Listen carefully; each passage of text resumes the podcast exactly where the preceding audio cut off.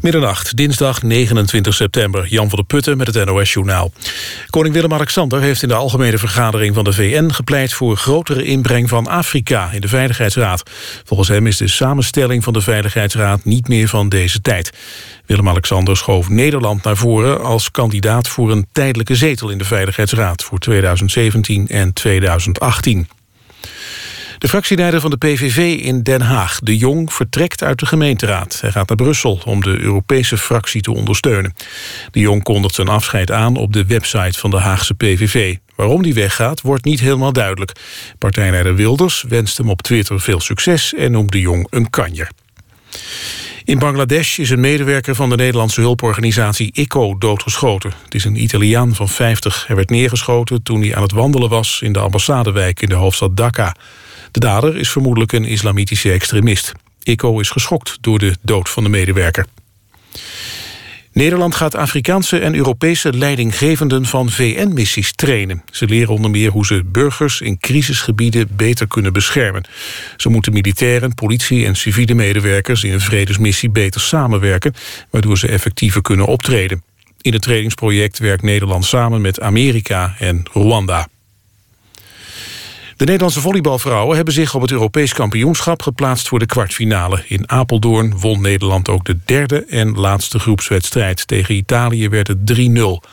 Donderdag spelen de Nederlandse volleybalvrouwen de kwartfinale op het EK... en de tegenstander is dan Polen of Wit-Rusland. Dan het weer nog vannacht op veel plaatsen helder en fris. Minima tussen 4 en 7 graden. En in het midden en oosten van het land kans op mist en vorst aan de grond. Overdag zonnig en 16 of 17 graden. Dit was het NOS Journaal. NPO Radio 1. VPRO. Nooit meer slapen.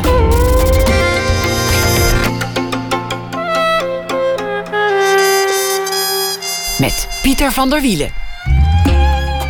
Goedenacht en welkom bij Nooit meer slapen. Straks na één uur een gesprek met Christine Otte, schrijfster, over de gevangenismonologen. Ze koppelde schrijvers aan ex-gevangenen en dat leverde verhalen op.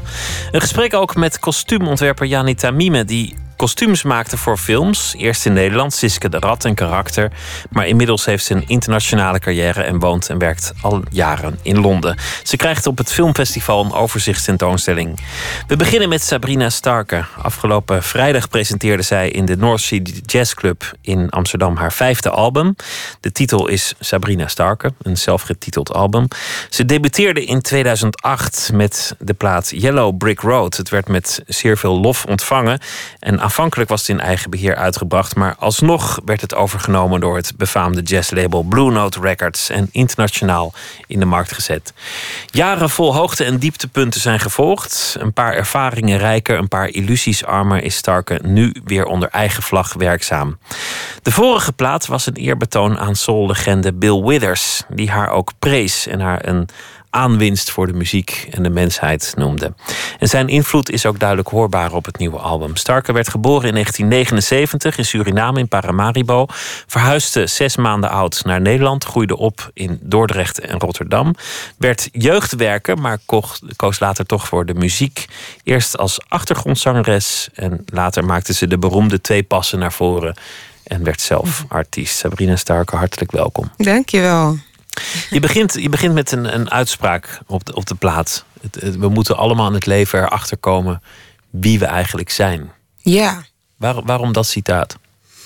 Um, nou ja, we, ik, ik vind dat belangrijk. Um, ik, ik geloof dat we, nou ja, dat het niet alleen de bedoeling is dat we maar een beetje rondlopen hier, maar dat, dat er een doel is en dat, er, uh, dat we allemaal iets hebben waar we, uh, waar we achter uh, kunnen komen en achter moeten komen.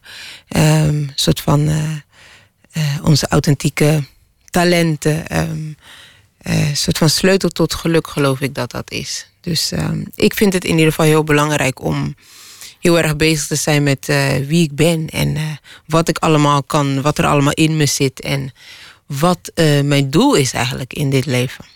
Socrates, ken u zelf. ben, je er, ben je erachter wat je doel is in het leven? Um, nou, ik, ik geloof wel dat ik, dat ik hier ben om in ieder geval mijn kennis, mijn talenten te delen. Om dat te delen met de wereld.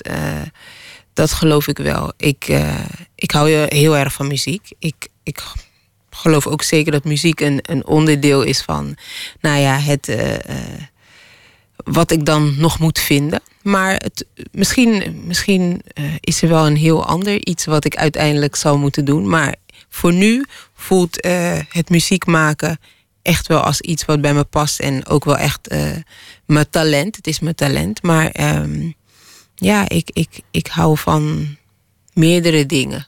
Dus uh, voor mij staat het nog een beetje open. Ik, weet, ik voel me nu heel goed bij, bij wat ik nu doe. En het voelt ook echt, echt als: oké, dit moet ik doen. En dit past bij mij. Dit is echt mijn talent. Maar ik geloof dat er, dat er nog meer is. En daar ben je nog aan het achterkomen wat dat is? Of, of heb je dat al? Ja, eh? ja ik, ben, ik, ben, uh, ik, ik ben daar wel heel erg mee bezig. En uh, door, eigenlijk door te luisteren naar wat mijn gevoel zegt, waar, um, wat mijn intuïtie zegt, wat ik moet doen. En um, ja, ik, ik, ik hou bijvoorbeeld natuurlijk van muziek, maar ik hou ook heel erg veel van, van met jongeren werken bijvoorbeeld. Want dat is wat je eigenlijk deed. Je was ooit een jeugdwerker. Ja. Dat was misschien wel je carrière geworden. Dat had je je hele leven kunnen doen. En dan, dan in je vrije tijd zingen. Zeker. Had zomaar ja. kunnen gebeuren. En, en dan, als dat was gebeurd? Ik denk dat ik daar helemaal oké okay, uh, mee was uh, geweest hoor. Maar die. die uh, maar je hebt toch ook heel veel meegemaakt doordat je dit bent gaan doen? Ik zou zeggen, je hebt heel veel ervaringen, plekken, mm -hmm. mensen erbij gekregen doordat je niet jeugdwerk bent blijven doen. Ja, klopt. Daarom zeg ik, ik ben heel blij. Natuurlijk, dit, dit klinkt misschien heel raar, maar ik ben natuurlijk super blij met wat ik doe. En ik, dit, dit is gewoon wat ik ben ook. Maar um, er is meer. Ik geloof dat er meer is. En eigenlijk, kijk, het jongerenwerk heb ik, heb ik uh, nooit losgelaten. Of laat me, laat me zo zeggen, het sociaal-maatschappelijke. Dat heb ik nooit losgelaten. En uh, dat zal ik ook nooit loslaten. Dat is echt ook wie ik ben en wat bij me, bij me hoort. Je doet ook projecten, daar, daar wil, ik, wil ik straks met je over praten. Ja. Misschien is het leuk om, om het eerst eens te hebben over wat er vooraf ging aan, aan deze plaat. Want, want je klinkt op de een of andere manier op het album muzikaal. Ik kan niet oordelen of, of daar iets persoonlijks bij zit, maar je klinkt bevrijd op de een of andere manier. Ja. Het lijkt alsof je iets van je af hebt, hebt gedonderd. Ja. Er was natuurlijk dat debuut wat je maakt. Nou ja, je maakt een plaat, dat doen meer mensen. Je weet niet wat er gebeurt. Je kunt nooit voorspellen of iets aanslaat. Ineens was er die enorme golf. Ja. Blue Note Records, het, het legendarische album dat om, omarmt je. Ja. EMI, nog zo'n zo'n internationaal label, wil met je in zee. Zegt we gaan jou niet als Nederlandse artiest neerzetten, maar internationaal. We gaan opnemen. Dat doen we in Florida, want, want daar is een, een studio. Je kreeg de, de grootste producers, budgetten, promotie. Alles kwam mm -hmm. op je pad, een enorme golf. Ik, ik denk dat het, dat het een soort roes is, is geweest. Ja. En toen? Um, ja, en toen, nou, dit, mijn tweede plaat. Uh, mijn tweede plaat was minder succesvol dan, uh, dan de eerste. Um, na mijn tweede plaat ben ik ook uh, gestopt bij, bij Blue Note. En toen heb ik eigenlijk een contract getekend bij Eetbal. Een Nederlandse independent label. Voor twee platen. Nou, toen volgde mijn derde dus, Outside the Box. En The Lean on Me... Um, Bill de Bill Withers. Plaat. Ja, de Bill Withers plaat. Um, ik had een contract voor twee platen, ook bij, uh, bij Eetbal. Nou, die twee platen heb ik gemaakt.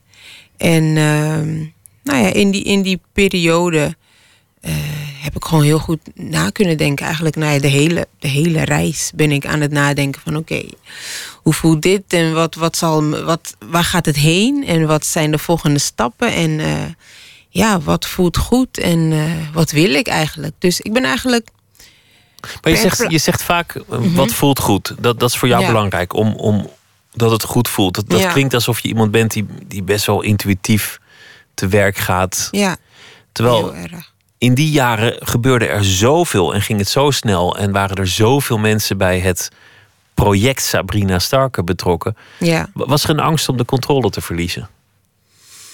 Ehm, ja, toch wel. Kijk, ik, ik, ehm, ik ben iemand die daar wel van houdt of zo.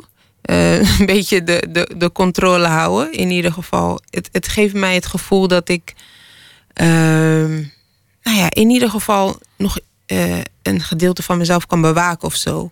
Dat dat niet eh, helemaal, ja, dat niemand maar een loopje neemt met, weet je, met, met, met mij of met. eh, Dat gebeurt natuurlijk heel vaak met artiesten. Want, want Ja. uiteindelijk voor platenmaatschappijen... en ik wil, ik wil niet een hele sector in de band doen... of, of kwaad spreken over, over mensen die met heel veel passie werken... maar ja, is een artiest ook vaak een, een verdienmodel? ja, Als een sinaasappel die je uitperst. is waar.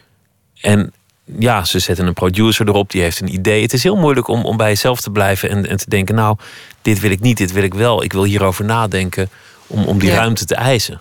Ja, en dat, was, dat zijn dan de dingen die je, nou ja, in zo'n proces.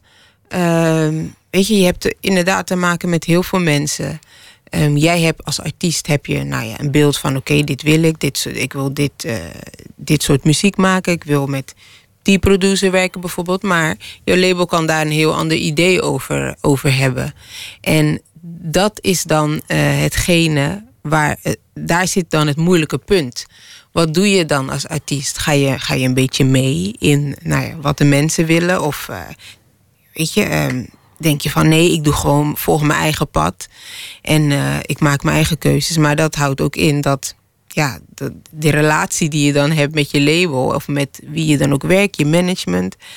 Dat kan dan niet, niet zo prettig eh, meer zijn. Dus Want je jouw, hebt jouw gewoon- tweede album was, was eigenlijk heel erg een, een, een liedjesalbum. Ja. Vanuit de gitaar geschreven. Klopt. Eh, niet echt een soul-album. Ze hadden jou misschien ze hadden gehoopt dat je de nieuwe Erika Badu zou zijn. Maar je werd, nou ja, laat ik zeggen, Tracy Chapman. Mhm. Bij wijze van spreken. ja, En eh, voor zover je moet zeggen, de nieuwe dit of de nieuwe dat. Maar je ging Ja. een heel andere richting uit. Klopt. Kan zijn dat het niet past in iemands plan. Ja, en ik denk ook dat het niet paste in, eh, in het plan. En dat is gewoon, ja, altijd het moeilijke. Kijk, als artiest wil je jezelf, ehm, of ik wilde mezelf gewoon heel graag ontwikkelen. Ik wilde verschillende dingen proberen om te zien en te voelen waar, eh, waar mijn krachten liggen. Wat, wat voor sound ik uiteindelijk eh, ehm, ja, mooi vind. Ik, had, ik heb nooit het gevoel gehad van oké, bij mijn eerste plaat, omdat het succesvol was, dat dit, dat dit het dan was. Dat dit de droomformule was. Ik, ik had altijd zoiets van oké, eh, heel blij dat dit zo mooi is ontvangen. Maar mijn focus was wel altijd op, op groeien en verschillende dingen proberen. En eh, ja, te ontdekken eh, wat, ik, wat je kan als artiest. En dat heb ik als je ook naar elke plaat luistert.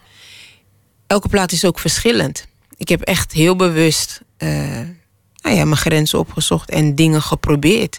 En ik heb nu echt het gevoel met eh, deze plaat dat ik echt mezelf heb gevonden. Ook mijn sound heb gevonden, me, me, me eh, gevonden waar ik voor wil staan als artiest. En eh, ja, wat ik wil delen en waarover ik wil zingen. Mensen die jou, die jou goed kennen, eh, omschrijven jou als introvert van nature. Ja, Niet iemand die, die eigenlijk heel erg een persoonlijkheid heeft die op een feestje binnenkomt en meteen de boel overneemt. nee. Op deze plaat klink je op de een of andere manier voor iemand die introvert is, toch alsof je alles van jezelf laat zien. Alsof je, alsof je eigenlijk alles hebt afgeworpen, persoonlijk durft te zijn. Ik was vrijdag op de, de presentatie in een club waar ook heel veel vrienden, intimie, familie waren. Op een gegeven moment bij een liedje huilde je op het podium. Je, Ja. je liet een traan. Dat is voor een introvert persoon, denk ik, toch, toch een stap genomen. Ja, het is, eh, dat was ook een heel persoonlijk liedje wat ik, wat ik zong. Dus ik, ik kon, eh, ja, ik brak wel een beetje. Eh, een beetje.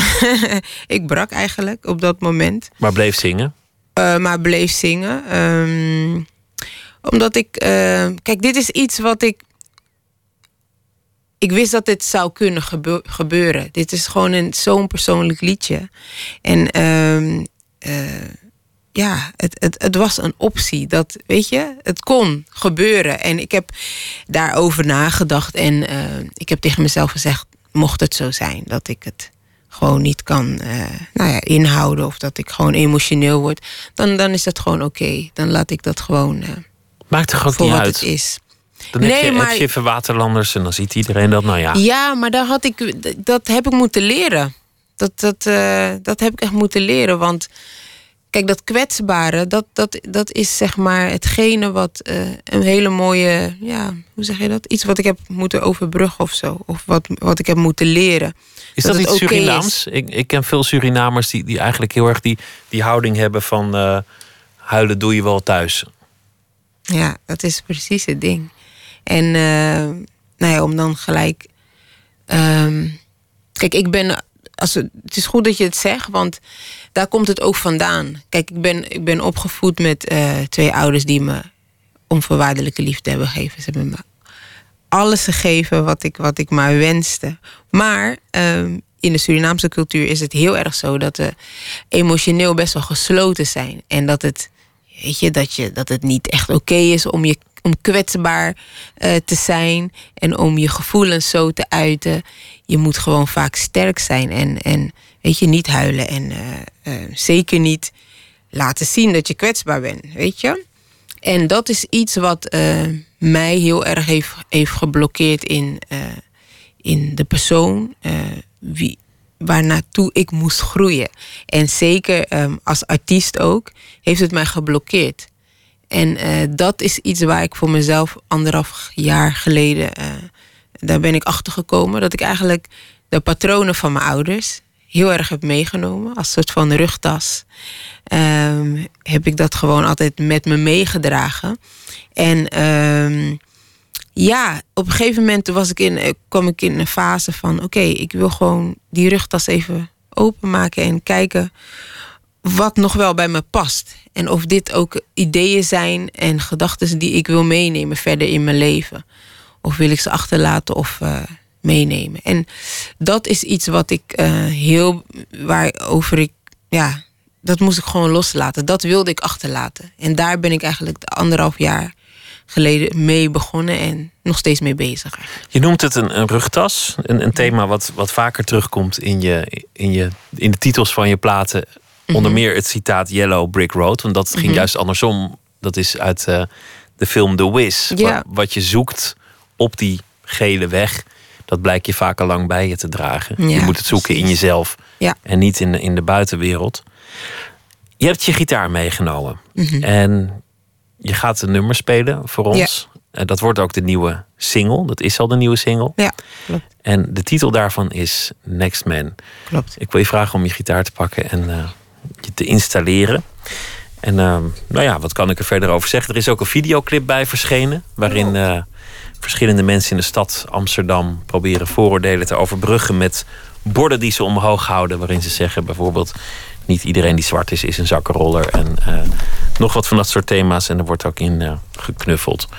Wat het allemaal heel zachtaardig maakt. Sabrina Starker, Next Man.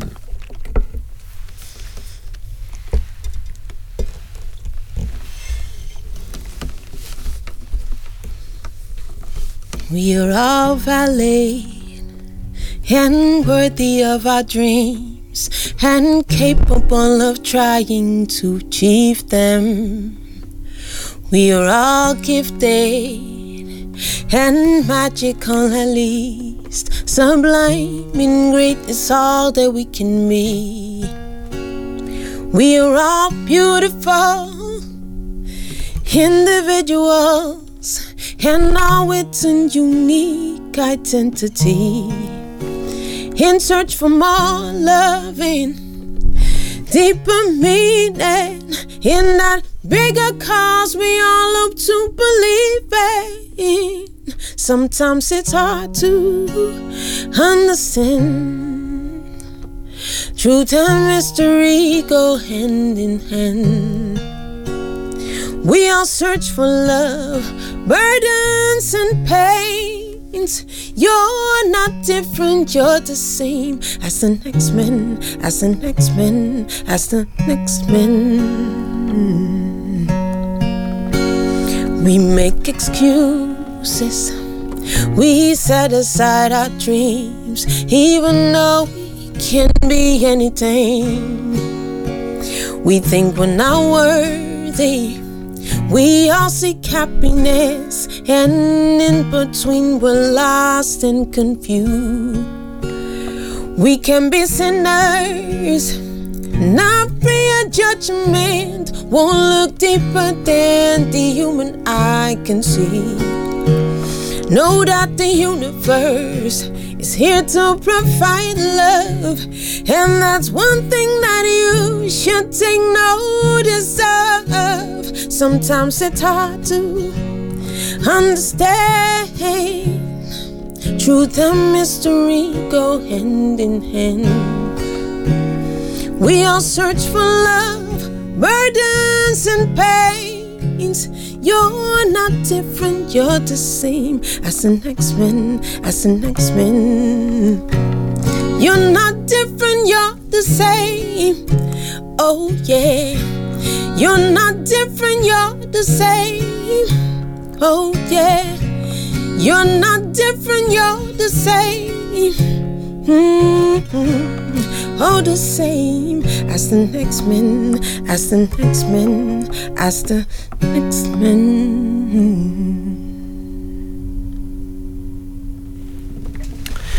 Sabrina Starke, de nieuwe single van het album. Het album met haar eigen naam als titel. En het uh, nummer heet Next Man. Sabrina, uh, dank dat je dit, uh, dit liedje wilde spelen. De boodschap van het liedje is volgens mij: we zijn allemaal hetzelfde. We kunnen wel heel veel nadruk leggen op de verschillen. Maar kijk ook eens naar de, de overeenkomsten. Want uiteindelijk verschillen we ook weer niet zo gek veel van, uh, van elkaar.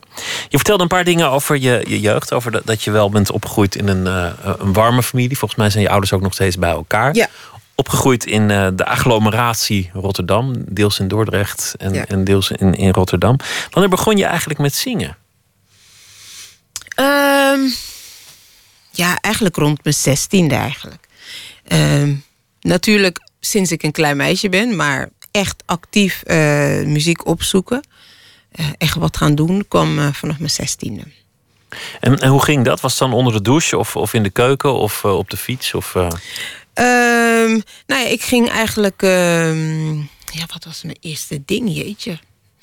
Ehm, volgens mij sowieso een jam sessie. Dus echt, nou ja, naar events gaan waar ik eigenlijk contact kon leggen met mensen die in de, in de muziek zitten. Want ik wist natuurlijk niet, oké, waar begin je? Je wil heel graag zingen, maar ehm, hoe kom je aan de muziek? Ehm, eh, hoe maak je een liedje? Dus het was voor mij echt wel een. eh, nou, gewoon een, een, leuk begin. Een soort van onderzoek van ehm, hoe kan ik, nou ja, hetgene wa- wat ik zo leuk vind om te doen, muziek maken en zingen. Hoe kan ik, eh, ja, hoe kan ik artiest worden? ja, maar je, je Dus, was eh, eh, ja. intussen ook nog een parallele carrière aan het nastreven. Gewoon als, als jeugdwerker, dat, Ja. dat deed je al. Is er iemand geweest die jou ervan heeft overtuigd dat het zonde zou zijn om, om niet een carrière na te jagen in de muziek? Ja, ik heb. ehm, kijk, ik, ik, toen ik eh jongerenwerker was, zat ik ook nog in een reggae band. Als backing vocalist. Dus daar, dat was mijn allereerste bandje.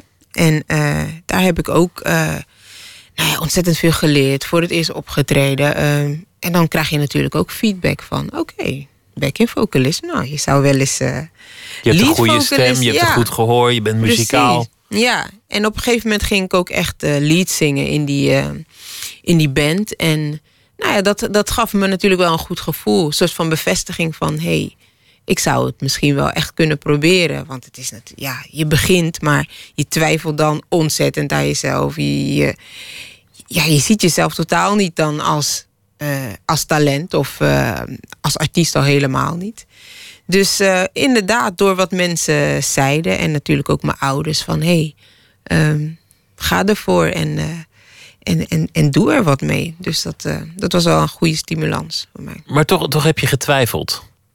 Wat, wat was die twijfel? Ja, omdat je bent dan gewoon, ehm, ja, nog echt een, een groentje. In, in, weet je? Je, je, je vindt muziek maken mooi, maar je denkt dan altijd, zeker als je pas begint, van oh ja, die, die heeft toch een veel betere stem dan mij en het wordt nooit wat. En eh, ehm, ja, dat. Je bent gewoon heel onzeker. En, Zelfvertrouwen, dat was eigenlijk het, eh, Ja, zeker. de, de sleutel die je nodig had. ja, zeker wat gaf je het zelfvertrouwen om, om het toch te doen? Om, want je bent op een gegeven moment naar talentenjachten gegaan. Je bent op Mhm. een gegeven moment ook zelf liedjes gaan schrijven. Ook een enorme stap natuurlijk. Ja.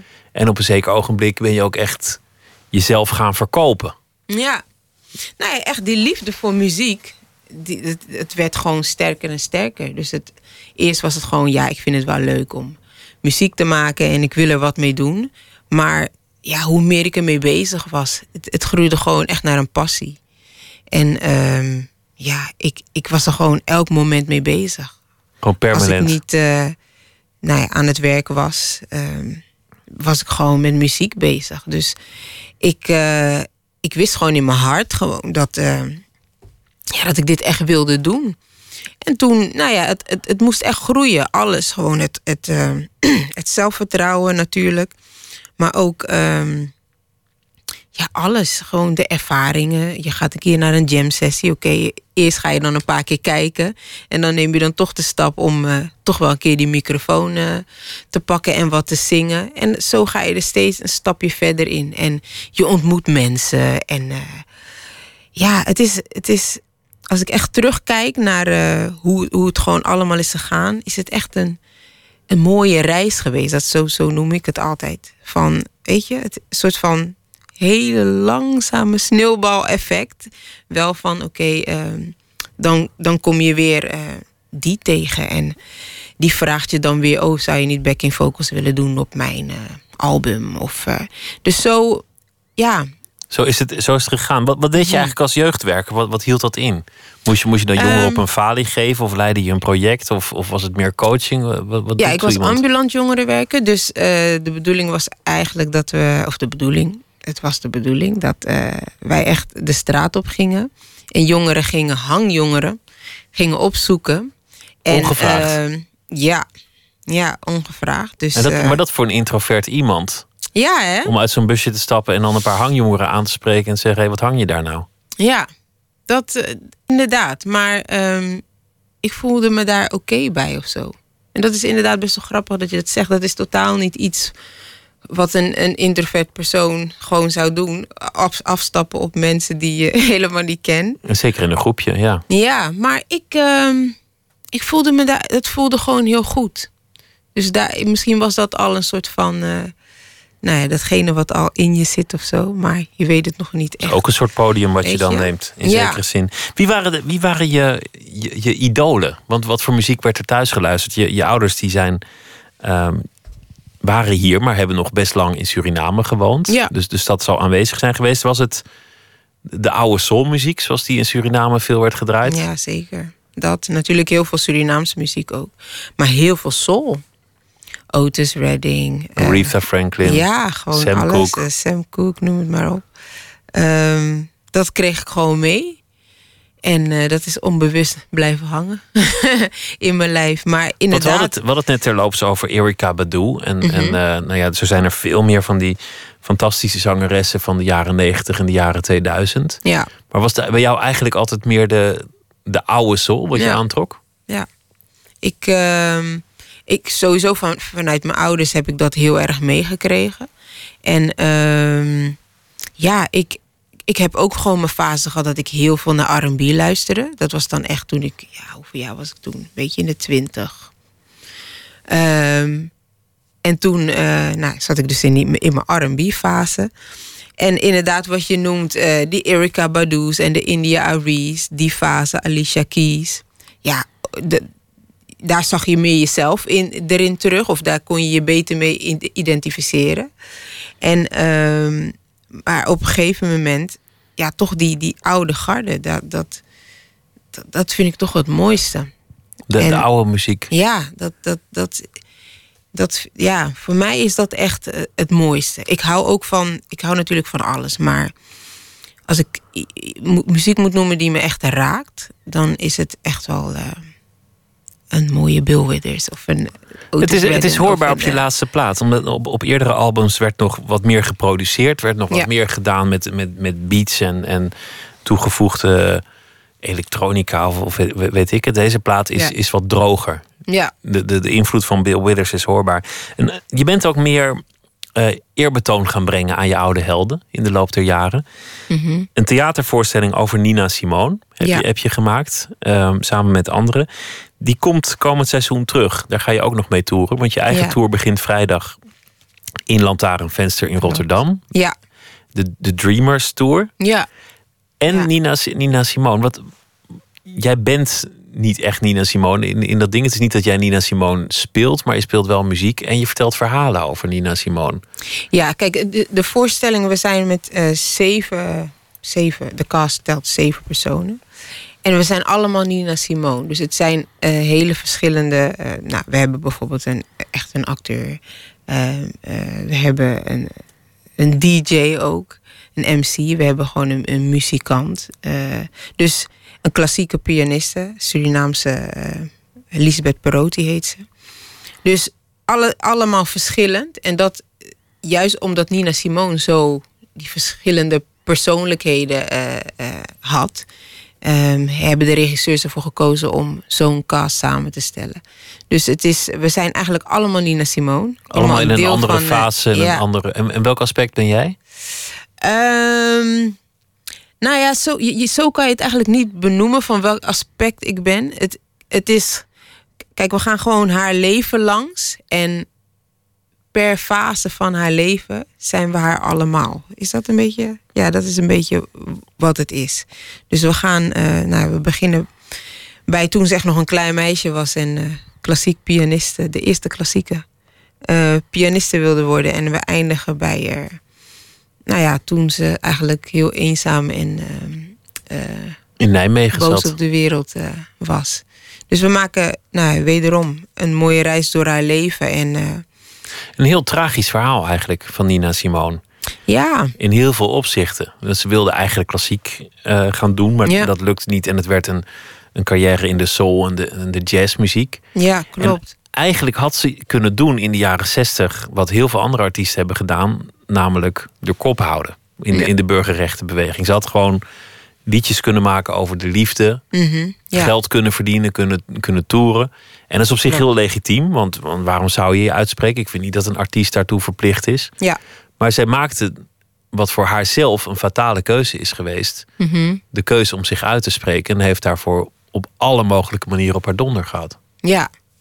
Nee, dat is echt ook het, uh, het moment dat... Uh ja, bijvoorbeeld boekers en uh, Salen, die hadden zoiets van ja. We, houden wel van Nina Simone, maar we willen niet al die Black Power teksten en uh, revolutionaire gedachten van haar horen. En ja, ze werd gewoon niet meer geboekt. En nou ja, vanaf dat moment eigenlijk ging het gewoon, gewoon slechter dan met haar carrière.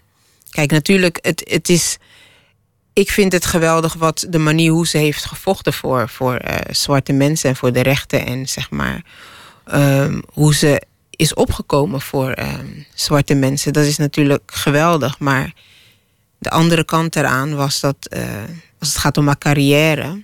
Ja, dat. dat uh, en haar leven. uiteindelijk haar ook. leven zeker. Haar leven. En uh, ja, dat heeft wel echt.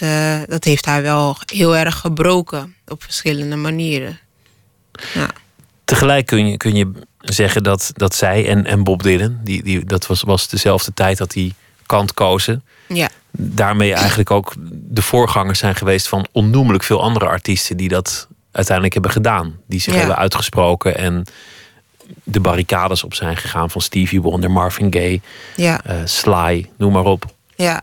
Uiteindelijk deden ze het allemaal. En dat heeft natuurlijk wel invloed gehad op die, op die beweging. Toen. Ja, het heeft ontzettend veel invloed gehad. En als je ook. ehm, ja, kijk, bijvoorbeeld als je dat soort ehm, artiesten of dat soort voorbeelden.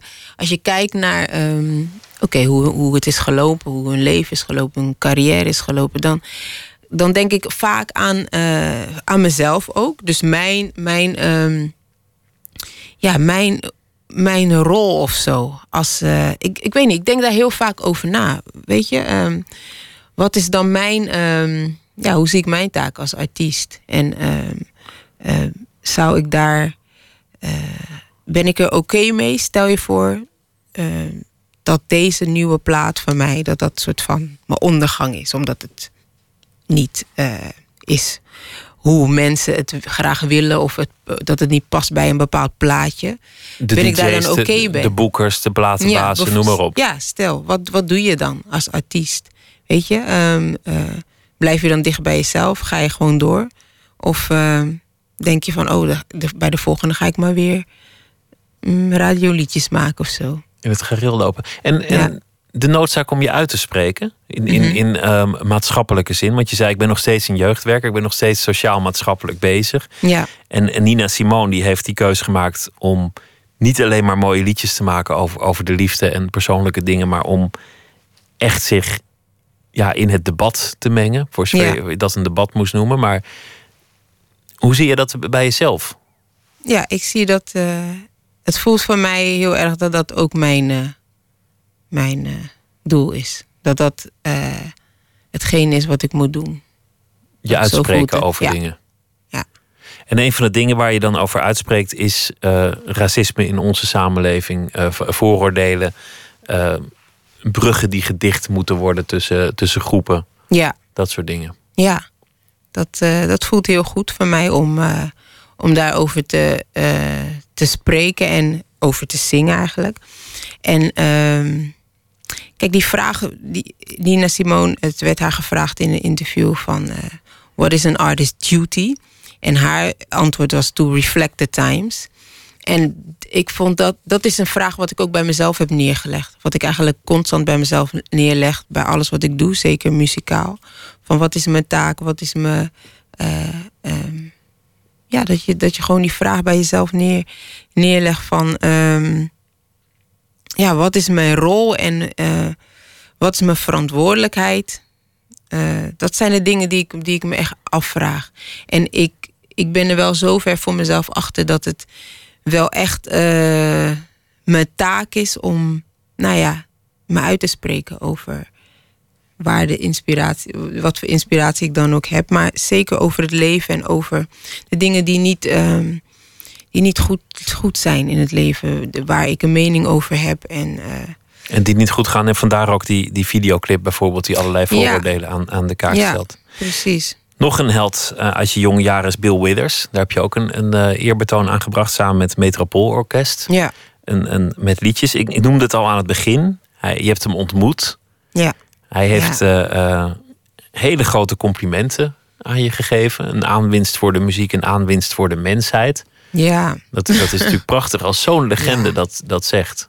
Ja, voor mij was dat. Um, kijk, we hebben hem toestemming gevraagd om, om de plaat te maken. Dat, dat was voor mij heel belangrijk. Um, hij was daar oké mee. Hij heeft zichzelf nog bemoeid uh, met, uh, met, de, met de plaat. Hij heeft nog een nummer aangedragen. Let me be the one you need. Um, en toen, nou ja, inderdaad, toen de plaat af was, we hebben het hem als eerste laten horen. En toen kreeg ik dus, nou ja, het mailtje met een hele mooie tekst die hij had geschreven. Mijn recensie eigenlijk. Ja. Mijn mooiste recensie, zo noem ik het. En uh, ja, voor mij was dat, dat is, dat is ja, wat. Niks boeide eigenlijk meer wat een ander zei over deze plaat. Voor mij kon die eigenlijk gewoon in de kast en was het was het oké. Okay. Ja, natuurlijk, Bill Withers. Dus dat is dat... echt uh, mijn mooiste compliment. Hij werd afgelopen week uh, geëerd. Hij werd in de Hall of Fame opgenomen. Hij is al heel lang uh, met pensioen, zegt hij zelf. Hij weigert nog te ja. zingen. Hij heeft, hij heeft, miljoenen aangeboden gekregen. Hij is, uh, mensen hebben hem erin proberen te luizen. gezegd, ah, kom op het podium. Hij ja. heeft het altijd geweigerd. Ja. Hoe vaak het ook gevraagd is. Um, enig idee waarom? Want dat, dat is altijd een onderwerp van speculatie. Ja, het is. Kijk, ik denk dat. Um, nou, voor, voor zover ik. Nou ja, wat ik een beetje uit interviews meekrijg. En uh, ook uit die documentaire. Um, um, ja, hij is, een, hij is een beetje. Hij, hij kon zich niet echt meer vinden. Hij, voel, hij voelde zich niet meer echt op zijn plek in de muziekbusiness. Denk ik. En. Kijk, hij is een artiest die altijd heel dicht bij zichzelf ook is gebleven. En ja, dan kom je weer nou ja, in die industrie die wat anders van jou wilt. En wat doe je dan? Die wilde meer hits. Ja, en... die wilde meer hits. Hij, zegt, hij zei het ook heel, op een hele grappige manier in die doki. Hij uh, kwam in een meeting en toen, uh, nou, toen zat hij daar en toen zeiden ze... Um, ja, yeah, we need some horns and we need some chicks. En uh, hij moest een of andere gladde pak aan, glimmend pak. Um, dus ja, dat plaatje wat, zij, ja, wat de platenbazen dan in hun hoofd hadden, dat wilden ze hem eigenlijk ja, aanmeten of aansmeren. En eh, daar voelde hij zich niet echt goed bij. Hij heeft het eigenlijk. Hij is er heel even in meegegaan, want hij heeft. Uh, heeft een paar hitjes gehad. Lovely Day. Da dat zie je ook nou, als je live uh, dingen of live tv um, performances ziet van Lovely Day. Dat hij bijvoorbeeld playbackt. En dan zie je hem ook in een pak en heel ongemakkelijk staan. En nou, je ziet die discoballen um, glitteren. En ja, daar zie je gewoon dat dat is niet Bill Withers. Ik, ik wil iets laten horen van Bill Withers zoals, zoals die uh, op zijn mooist is, wat mij betreft. Het meisje is weg en uh, de jongen is eenzaam achtergebleven. En okay. hij, hij rilt in zijn koude huis van liefdesverdriet. en in het uh, duister van de nacht heeft hij één troostende gedachte. Mm -hmm. Misschien is ze bij die andere man wel gelukkig. Het nummer heet Hope She'll Be Happier. Mm, mooi.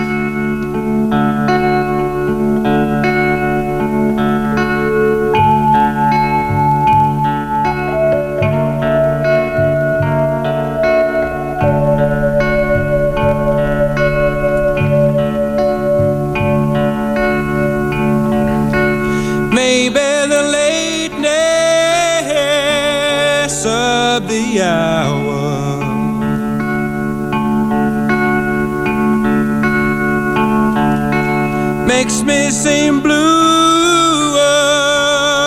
than I am.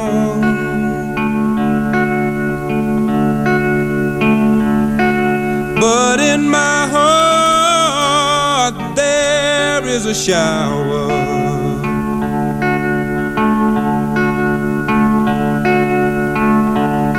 I hope she'll be happier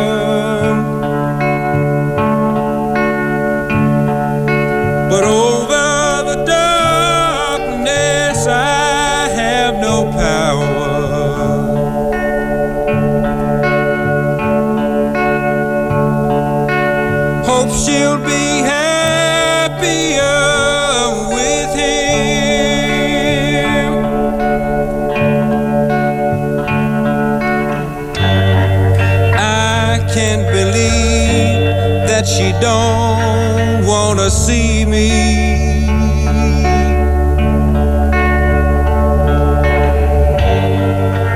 We lived and loved with each other so long.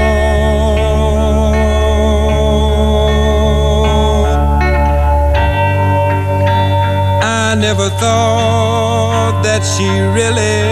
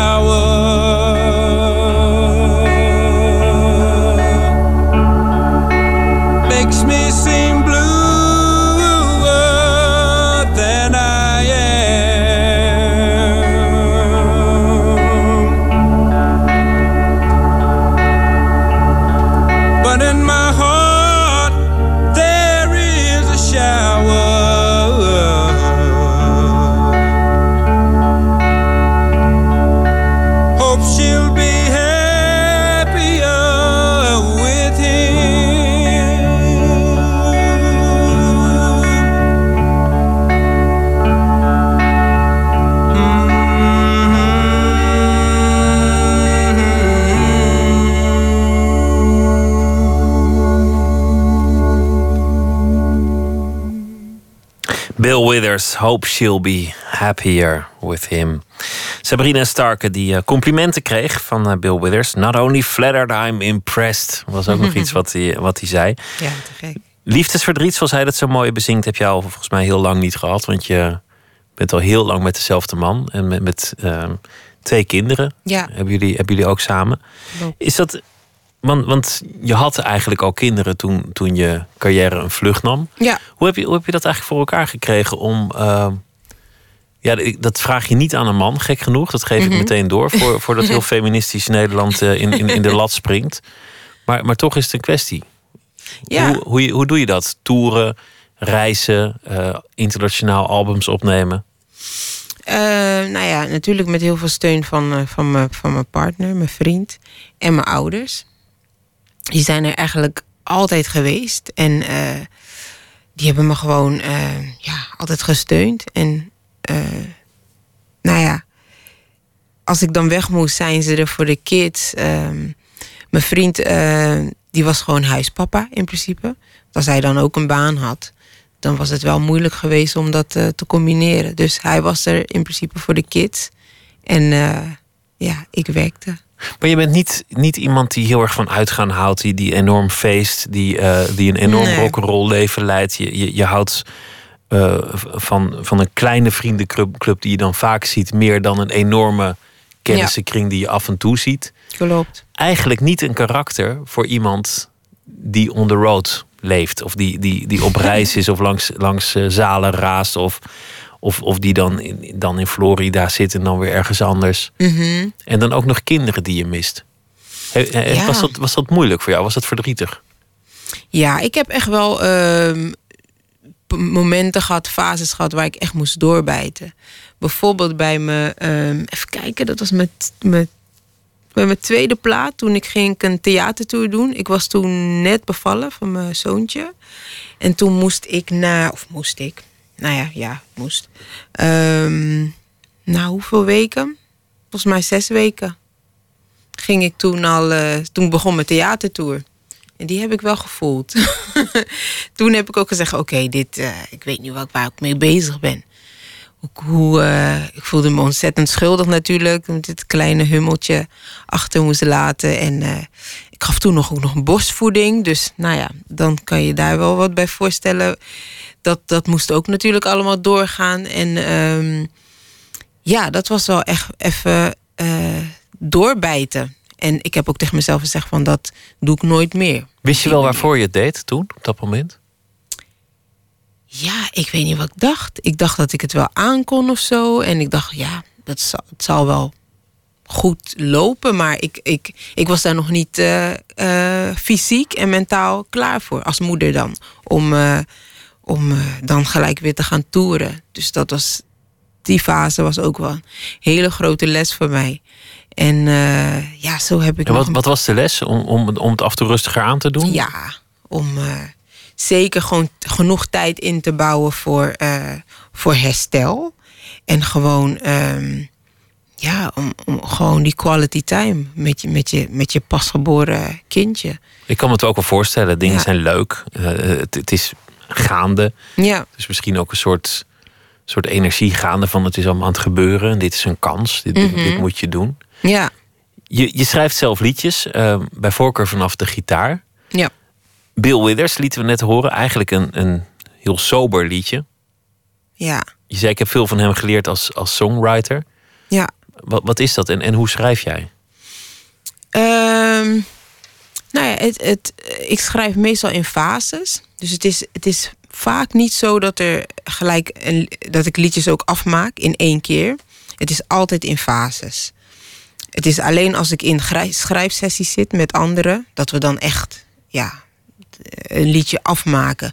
Maar als ik gewoon ehm, met de tijd heb en eh, eh, ja, gewoon op mijn eigen manier kan doen, dan is het, ja, dan doe ik dat gewoon in fases.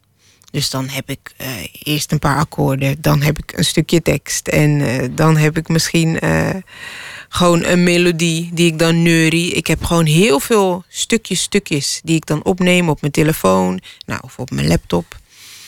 En ehm, ja, ik, ik bouw meestal in fases aan mijn liedjes. Als ik dan echt een deadline heb, dan moet ik wel echt aan de bak. En dan moet ik gewoon wel echt doorzetten en dingen afmaken. Maar als ik gewoon in de beginfase zeker. eh, weet je, bijvoorbeeld nu ben ik nou, net klaar met deze plaat. En ik ben alweer een beetje langzaam aan het nadenken over, over volgende ideeën. Dan neem ik het gewoon weer op. Weet je, als ik gewoon een ideetje heb, ik ben onderweg, dan neem ik het op mijn telefoon. En dan Maar je houdt, het je houdt het eenvoudiger tegenwoordig dan, dan, dan Ja. in het begin. Ja, De, en de dat, liedjes zijn, zijn, zijn naakter en, en je laat ook gewoon de ideeën horen. Ja, Het, het, hoeft, is, niet, eh, eh, het hoeft niet mooi en, en fancy en interessant te zijn. Het mag gewoon. Het mag zijn gewoon to the is. point zijn, ja. En dat is wel, ehm, daarom voelt deze plaat wel als een soort van nieuw begin. Dat ik mezelf wel echt heb gevonden. Dat ik eh, heb gevonden wat ik mooi vind. En waar mijn kracht ook zit. als, als, als zangeres. Ehm, dat, dat is dit wel, deze nieuwe plaat. Dus heel, hele open productie. Eh, warme sound. Traditionele sound. Ehm, ja, dus ik kom eigenlijk toch weer terug bij de muziek van mijn, van mijn ouders, die mijn ouders draaiden eigenlijk. Precies, want je, je had het over zelfverwezenlijking en, en erachter komen wat jouw kracht is, wie je wil zijn, wat je wil vertellen. Precies Ja. het verhaal dat jou inspireerde om je eerste plaat Yellow Brick Road te noemen. Ja, Alles wat je zoekt blijkt er al te zijn. ja, Heb je al die jaren met je meegedragen. ja. Maar ik moest ontdekken. Ja, Je moest het nog vinden. Ehm, je hebt het ook eh, onderweg gehad over, eh, over Nina Simone. En dat je voor jezelf de keuze hebt gemaakt. Ik wil me uitspreken in dingen die ik belangrijk vind. ja, De hoes van je plaat is wat dat betreft opmerkelijk. Want daar staan allemaal zwarte of, nou ja, gekleurde of, of meer gepigmenteerde vrouwen op dan, dan de gemiddelde. Wie zijn die vrouwen en waarom staan ze op je hoes? ja. ehm, ja, ik heb inderdaad, eh, nou ja, er staan er 36 stuks op. eh, zwarte vrouwen allemaal gevraagd om eh, nou ja, model te staan voor mijn cover. En ehm, kijk, als ik kijk naar waar ik nu sta in mijn leven. Ook als ik kijk naar, toen ik nog jonger was of een klein meisje was. Is het voor mij altijd belangrijk geweest dat ik mezelf op een, op een, nou ja, dat ik omringd ben geweest door sterke, eh, positieve rolmodellen, inspiraties. Dat is, ja, belangrijk geweest voor mijn zelfbeeld, voor mijn eigen zelfvertrouwen. Dat ik mezelf terugzie, eh, kan spiegelen. Ehm, dat, is, dat is gewoon ontzettend belangrijk geweest. En als ik kijk naar ehm, nou, toen ik, laat me zeggen, tiener was. ehm, en de vrouwen die ik toen zag, nou ja, op de tv of in bladen, die kon ik echt op één hand tellen. Dat was ontzettend weinig. Zwarte vrouwen die waren niet eh, goed genoeg vertegenwoordigd ehm, in de media. En ehm, Ja, wie Nou had je? Gerda Havertong. ja, Gerda en, Jetty Maturin, ehm, eh, Nelly Koman. Vergeet ik iemand? Oh ja, Sylvana Simons. ja, er zijn, er zijn er misschien nog wel een paar. Maar Ja, maar ehm, dus ik, ja, dat krijg je dan mee. En ehm, nou ja, als het je niet wordt verteld dat er gewoon veel meer is, dan groei je op met het idee dat dit het is. En nou ja. En je, koppelt, ouder. je, je koppelt dat aan zelfvertrouwen. Is er dan een soort. Want ik, ik zal nooit weten hoe het is om, om, om een zwarte vrouw te zijn. Mhm, is nogal een open deur, maar vooruit. mhm. Jij koppelt dat aan, aan, aan zelfvertrouwen. Waarom was het voor jou belangrijk om iemand te zien op, op een belangrijke positie? Nou ja, zeg televisie, die dezelfde kleur had als jij. Omdat jou dat het gevoel geeft dat je dat ook zou kunnen bereiken. Omdat ze lijkt op jou. En ehm, ja, dat, dat, is, dat is wel echt zo. Kijk, eh, natuurlijk, het is niet zo dat ik niet geïnspireerd kan worden door andere vrouwen. Maar het is een heel ander ding als ik een zwarte vrouw zie in een bepaalde positie. Want in jouw tijd, lijkt. Nu, nu zal dat denk ik anders zijn, maar in jouw tijd waren er bij jou op de lagere school waarschijnlijk ook niet zo heel veel zwarte vrouwen. Ik, weet niet in welke buurt het was, Mm, maar Nee, helemaal niet, eigenlijk. Op school, op, ehm, nee. En in de klas was, was ik ook een van de... Even kijken, moet ik even terugdenken. Ja, misschien twee. Twee, eh, twee zwarte kids in de, in de klas. Maar eh, maakte dat uit? Was, was, was dat een gevoel dat je anders was of, of maakte dat onzeker? ja, dat maakte me zeker onzeker. En dat heeft... eh, eh, zeker, dat heeft wel invloed gehad... dat je jezelf afvroeg van... oké, dat je gewoon weet dat je anders bent. En ja, dat je jezelf afvraagt van hoe komt dat? En natuurlijk als je zo jong bent, dan heb je daar geen antwoord op. En dat is iets wat gewoon, ja, wat je met je meedraagt en waar je dan, nou ja, nog heel lang geen antwoord op hebt. En ehm, ja, bij het volwassen worden ga je, ging ik dan ook op zoek naar, ja, hoe zit dat nou precies? Waarom is dat zo? En ehm, ja, dan kom je er gewoon eh, achter dat, ehm, nou ja, dat sommige dingen gewoon niet echt een weerspiegeling zijn van eh, de wereld of de maatschappij. En dat is ook wat je, wat je nu met allerlei projecten eh, doet. Proberen om, om zelf een rolmodel te zijn zoals anderen dat voor jou zijn geweest. Ja, ja. En dat is eh, een van de dingen die je, die je nog steeds steunt. On- onder meer met in de Belmer is er een project dat je doet. Ja. En, en, en nog een paar andere projecten. Ik wilde eh, nog een nummer laten horen van de plaat. Want we hebben het gehad over de productie en, en hoe, het, hoe het klinkt. Meer als Ja. de oude soul. En dat hebben we eigenlijk nog helemaal niet gehoord. Want we hebben Bill Withers gehad en een nummer in de studio. Ehm, het nummer heet Believing is Seeing. Klopt.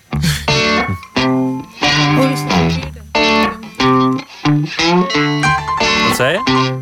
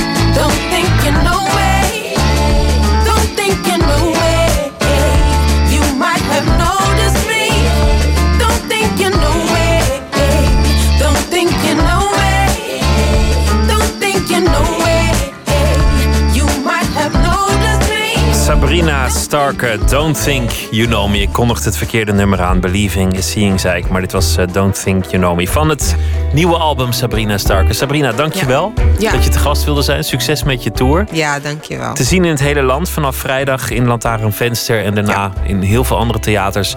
En ook in het komende seizoen met de voorstelling over Nina Simone nog eh, te zien. Ja, Ik vond het leuk dat je te gast wilde zijn. ja Dankjewel. ik vond het ook leuk, dank je. Zometeen gaan we verder met eh, Nooit meer slapen. Twitter, VPRO NMS of via de mail nooit meer slapen, VPRO.nl. Tot zometeen.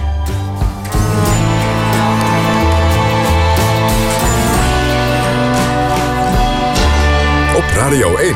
Het nieuws van alle kanten.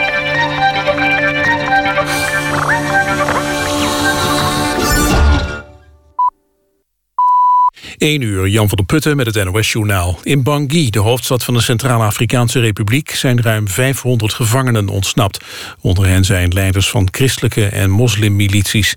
Strijdgroepen hebben kantoren van internationale hulporganisaties geplunderd.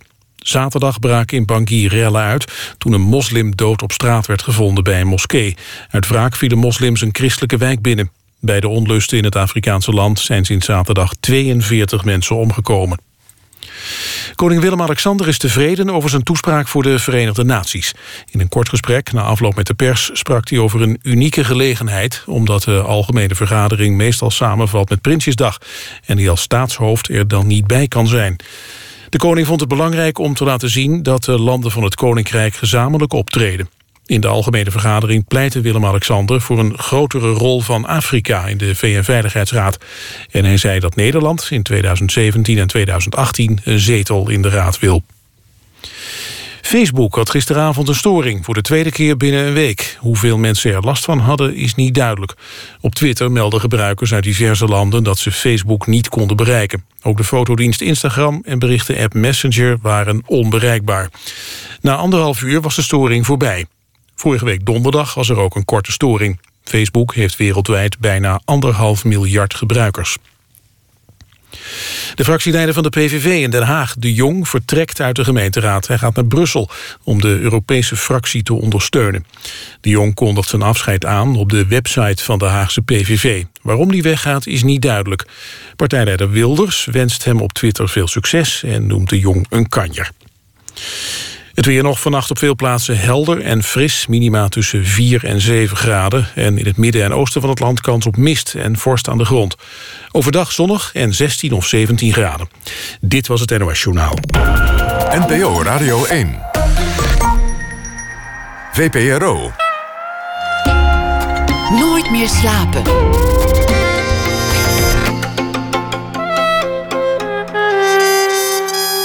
Met Pieter van der Wielen. Na de vagina-monologen, de gesluierde monologen, zijn er nu ook de gevangenismonologen. Straks een gesprek met schrijfster Christine Otte, die het verhaal van een ex-gevangene Wesley tot monoloog bewerkte. Ook een ontmoeting met kostuumontwerper Janie Temim, die in Engeland naam maakte met, maakte met eh, haar werk voor films als Gravity, Skyfall en ook zes van de Harry Potter films. Maar we beginnen met Brechtje Hofstede. Zij zal deze week elke nacht een verhaal schrijven. Ze is uh, schrijver en kunsthistoricus, woonde tot voor kort in Brussel. Debuteerde vorig jaar met de roman De Hemel boven Parijs, dat ook nog eens wordt verfilmd. Goedenacht, uh, Brechtje. Goedenacht. Ja, een uh, dag voorbij en uh, jij gaat deze week elke nacht de dag vereeuwigen in fictie of andere vorm. Wat was het voor dag? Um, wat was het voor dag? Voor, ja, voor mij was het een, een fijne, zonnige, winderige dag. Uh, ik heb niet over deze dag geschreven, maar over een dag van een week geleden. Welke dag was dat? Um, dat was de dag waarop de Franse zanger en componist Charles Aznavour, die nu 91 jaar is geworden, uh, begon aan zijn afscheidstournee. Die loopt nog een paar maanden door. Dat is een uh, memorabel moment, Aznavour. Nou, ik ben benieuwd naar het verhaal. Zullen we daar gewoon meteen mee beginnen? Ja, laten we dat doen. Nog drie minuten, meneer Asnavour, zegt het meisje. Ze steekt drie vingers op, maar inmiddels heb ik mijn apparaatje ingeschakeld. Ik hoor de zaal nu. Dat enorme gezoem van tienduizenden stemmen. Je kunt er nooit een woord van verstaan en toch hoor je dat ze weten dat het bijna zover is. Ergens daar beneden zit de president. Twee minuten. Opnieuw die vingers. Ik knik om haar gerust te stellen. Het is een lieve meid hoor, mijn assistente. Ze zorgt goed voor me. Toen de autocue bij het oefenen even haperde, schoot ze meteen in actie. Mijn gehoor is niet wat het geweest is en mijn geheugen is helemaal catastrofaal. Het is de korte termijn die het af laat weten. Ik ken de tekst nog best, maar ik vergeet welk couplet ik net gezongen heb. De oudste herinneringen dringen zich juist steeds sterker op. Nu ik aan het einde sta, lijken de beide uiteinden van mijn leven zich naar elkaar toe te buigen. Net als die van mijn lichaam. Mijn rug groeit krom, terwijl mijn tenen opkruipen als boomwortels. Eén minuut, zegt ze. God, hoe heet ze ook alweer? Emma? Eva? Ja, ik hoor de zaal. Ik hoor de zaal van het Armeense restaurantje van mijn ouders in Rue Champollion. Het zat vol met vluchtelingen die zich kwamen warmen aan de vertrouwde lavash, aan stoofpot met Aleppo-peper. Mijn moeder zette me op de toog, ik was negen, en ik moest zingen. Daar wenkt ze. Ik loop het podium op. Tienduizenden stemmen heten me welkom. De autocue kondigt het eerste nummer aan. En ik lees de titel Les Immigrants. De immigranten. De immigranten. En zo Ja. sloot het ook nog aan bij de vluchtelingencrisis een klein beetje. Want dat, Ja. als naar voren was natuurlijk ook eh, vanuit een eh, migrantengezin opgeklommen. Ga je er nog naartoe? Is het, is het voor jou nog interessant om, om als naar voren nu nog te zien? Heb je hem ooit gezien? Ik heb hem nooit gezien, nee. Ik ken hem wel, mijn vader draaide hem vaak. Maar nee, ik, ga er, ik heb geen, geen tickets voor deze laatste tour. Nee, ik, ik durf het niet. Ik heb, eh, ik heb hem nooit gezien, maar ik heb, ik heb herinneringen aan dat kleine mannetje uit de jaren 60, 70. Niet dat ik toen zelf eh, zo ontzettend bij de pinken was, maar dat heb ik dan vaak gezien. En dan denk ik, ja, als je hem dan als oude man nog gaat zien, dan zal je hem altijd ook als oude man herinneren. Misschien moet je dat gewoon nalaten. Ja, ik, ik vind het zelf wel een charmant beeld. Een trillende 90-jarige op het podium.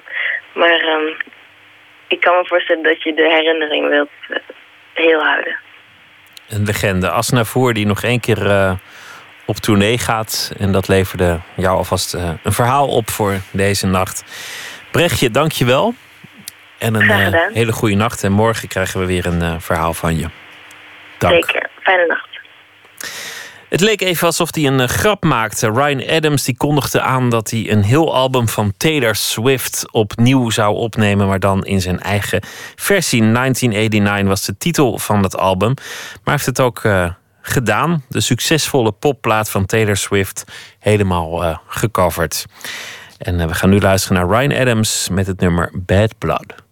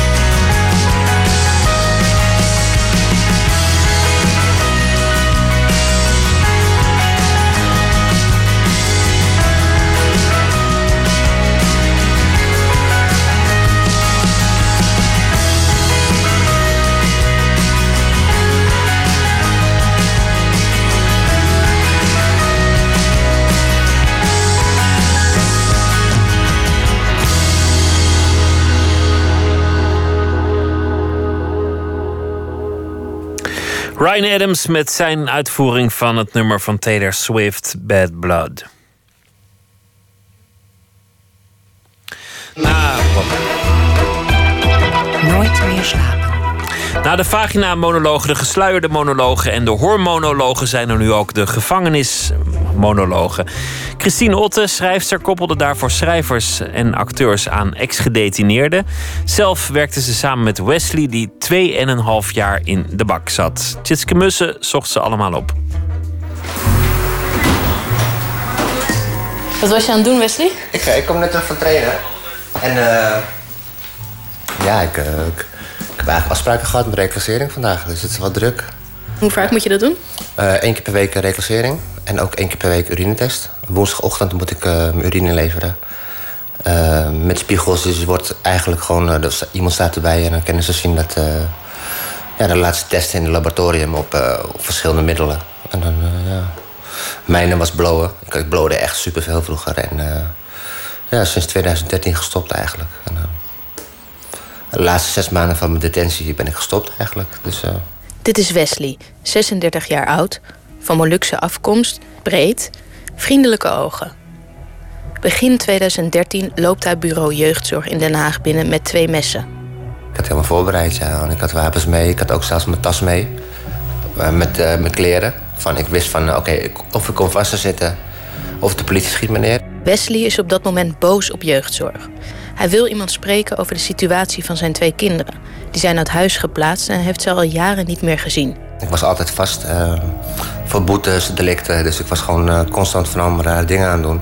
En de moeder, eh, ja, die kon het niet aan, opvoeden. Dus opvoeden en ook zelf ook niet trouwens. Dus Die dag in januari 2013 krijgt Wesley niemand van jeugdzorg te spreken en gijzelt hij een bewaker en een receptioniste onder bedreiging van een mes.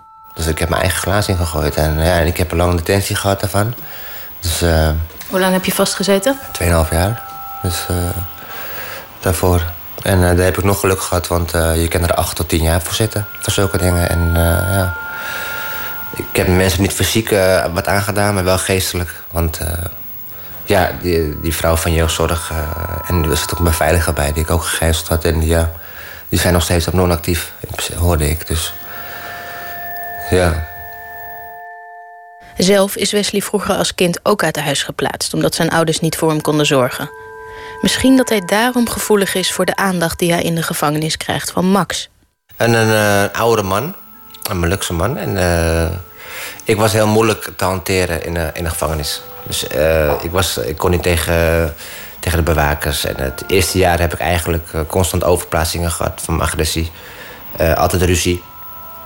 Eh, vechten en uh, isoleercel in, uit. En, eh, ja, ik moest nog lang zitten. Dus ja, ik wist niet, begot niet eh, hoe ik er door moest komen. In één keer eh, werd er aan mijn luikje geklopt. En eh, eh, zo'n klein Molukse mannetje met zijn ogen zo nog net boven het luikje. Toen zei hij bang zijn. En ik zeg ja, bang zijn, weet je wel. Dat betekent eh, bloed, dat je gewoon Molukker bent.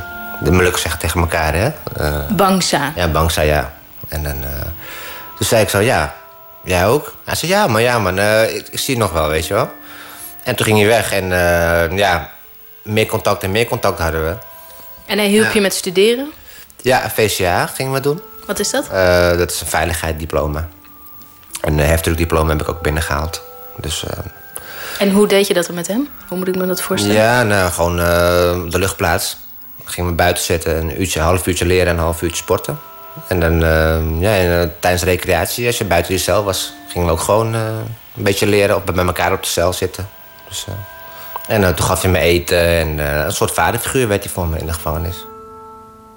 Als Wesley vrijkomt, krijgt hij een woning via een stichting die zich inzet voor ex-gedetineerden, Exodus. Zijn kinderen mag hij één keer per maand een kaartje schrijven. Via Exodus leert hij ook schrijfster Christine Otte kennen, die een schrijfcursus organiseert. De eerste keer was ik niet gekomen. Ik dacht, ja, nou, ik doe mijn eigen ding wel. Maar de tweede keer, eh, iemand zei tegen mij, nou, kom even eh, mee aanschuiven. Dus uh, ben ik gaan zitten ook. Kreeg een schriftje en dan uh, ook allemaal opdrachten over schrijven. En uh, ik wist ook niet wie dit was, Christine ook, hè, eigenlijk. Wie is Christine Otte? een schrijfster. ik heb wel gegoogeld natuurlijk. Op Exodus ging ik meteen googelen van, ja, wie is dat eigenlijk? En dan zag je allemaal boeken en ik dacht, zo, dat is wel iemand die uh, wel een soort status heeft in de, in, de, in de schrijfwereld. Dus dacht ik van, zo, nou, dan, uh, misschien is het wel leuk om volgende week weer te gaan, zeg maar. Het ging eigenlijk samen opdrachten, hè. Van, we, moesten muziek meenemen, een liedje. En dan moest je, naar aanleiding van het liedje, moest je dan opschrijven wat voor herinneringen je bij het, bij het liedje had. En hij, hij viel, viel, meteen op omdat hij gewoon heel erg je aankeek en, en een soort fris, voor frisheid en enthousiasme had. En heel erg meedeed en heel veel vertelde. Schreef. Je, je, schreef meteen heel interessante dingen, vond ik. Over, je, je begreep meteen de opdrachten en uh, ging er zelf mee aan de haal. Dus vertelde hele mooie verhalen over. Ja, dat verhaal.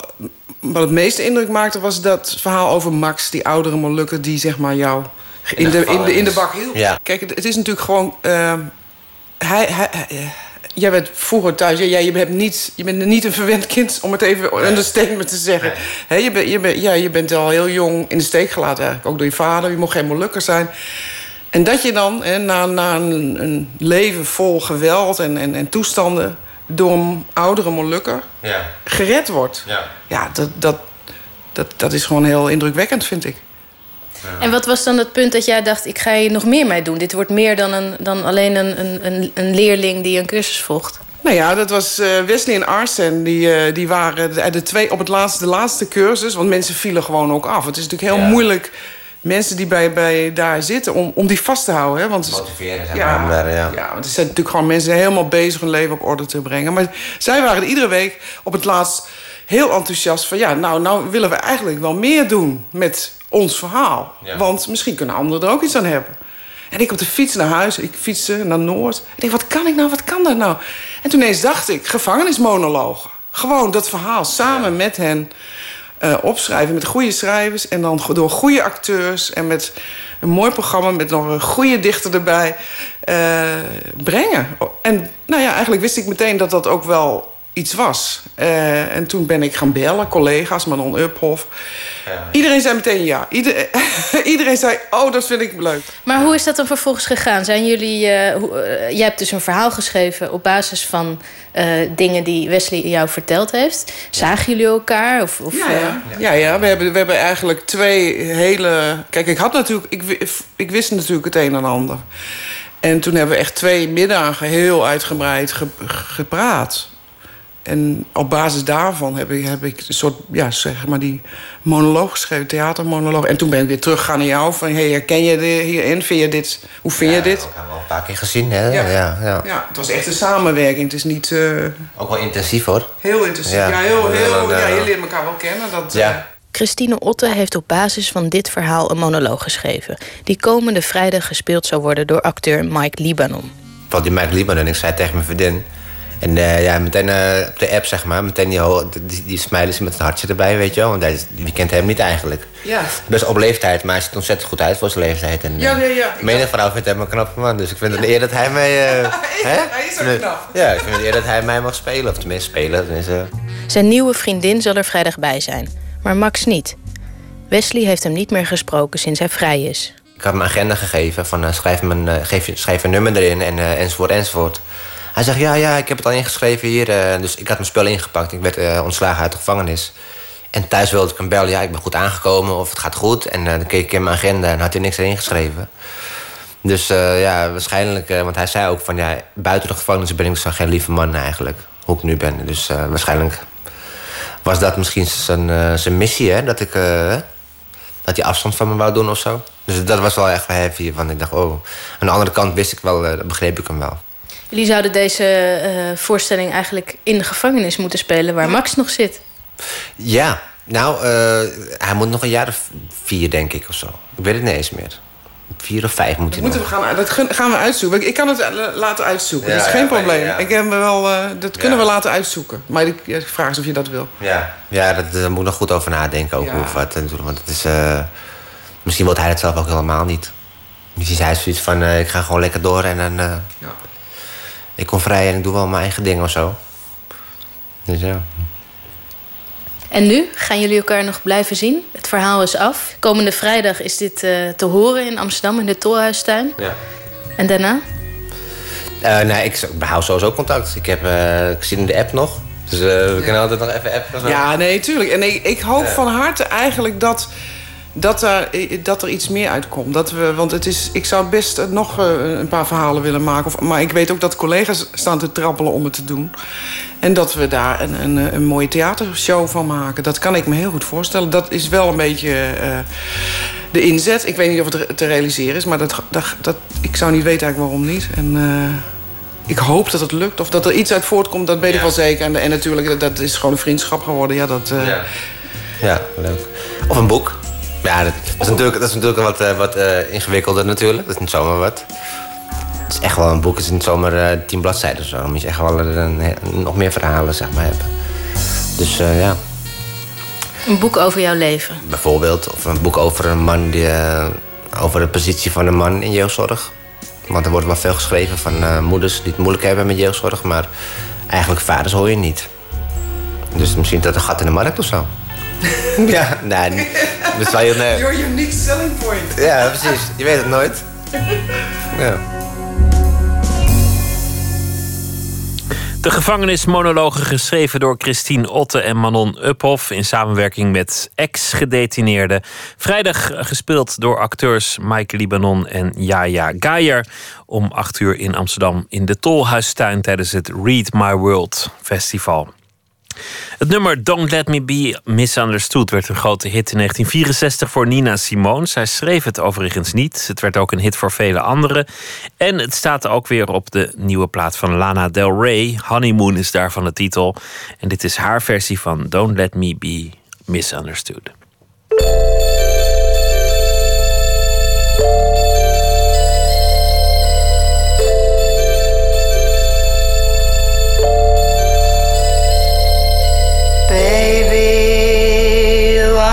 Understand me now.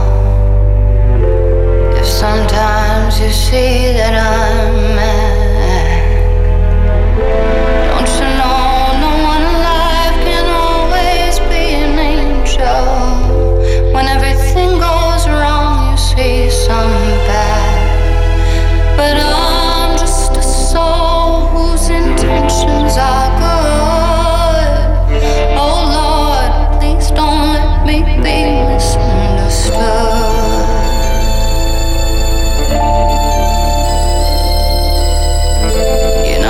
sometimes, baby.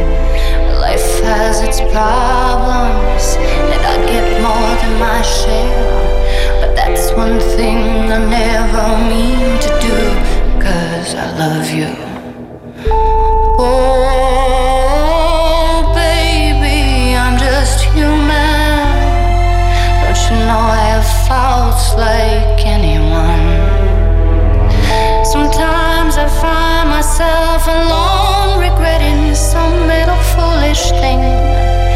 Is some simple thing that I've done. Cause I'm just a soul whose intentions are good. Oh Lord, please don't let me be misunderstood. I try so hard, don't let me be misunderstood.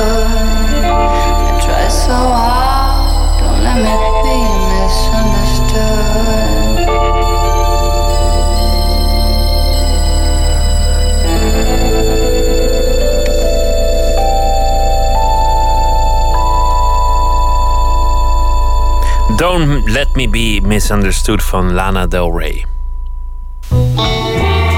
Nooit meer slapen.